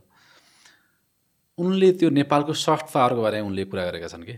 हेनरी किसिन्जरले होइन? जब कि जियो पोलिटिक्सको इन्टरनेसनल रिलेसन्सको त उहाँ त ठुलो थिङ्कर हो होइन? अमेरिकाको विदेश मन्त्री भएको राष्ट्रिय सुरक्षा सल्लाहकार भएको अहिले पनि जीवित स्कलरहरूमध्ये सबैभन्दा राम्रो स्कलर मानिन्छ उहाँलाई र उहाँले चाहिँ के भन्दा खास गरी यो नेपालको सफ्ट पावरको दृष्टिकोणले चाहिँ हाम्रो जुन धार्मिक ग्रन्थहरू छन् महाभारत गीता रामायण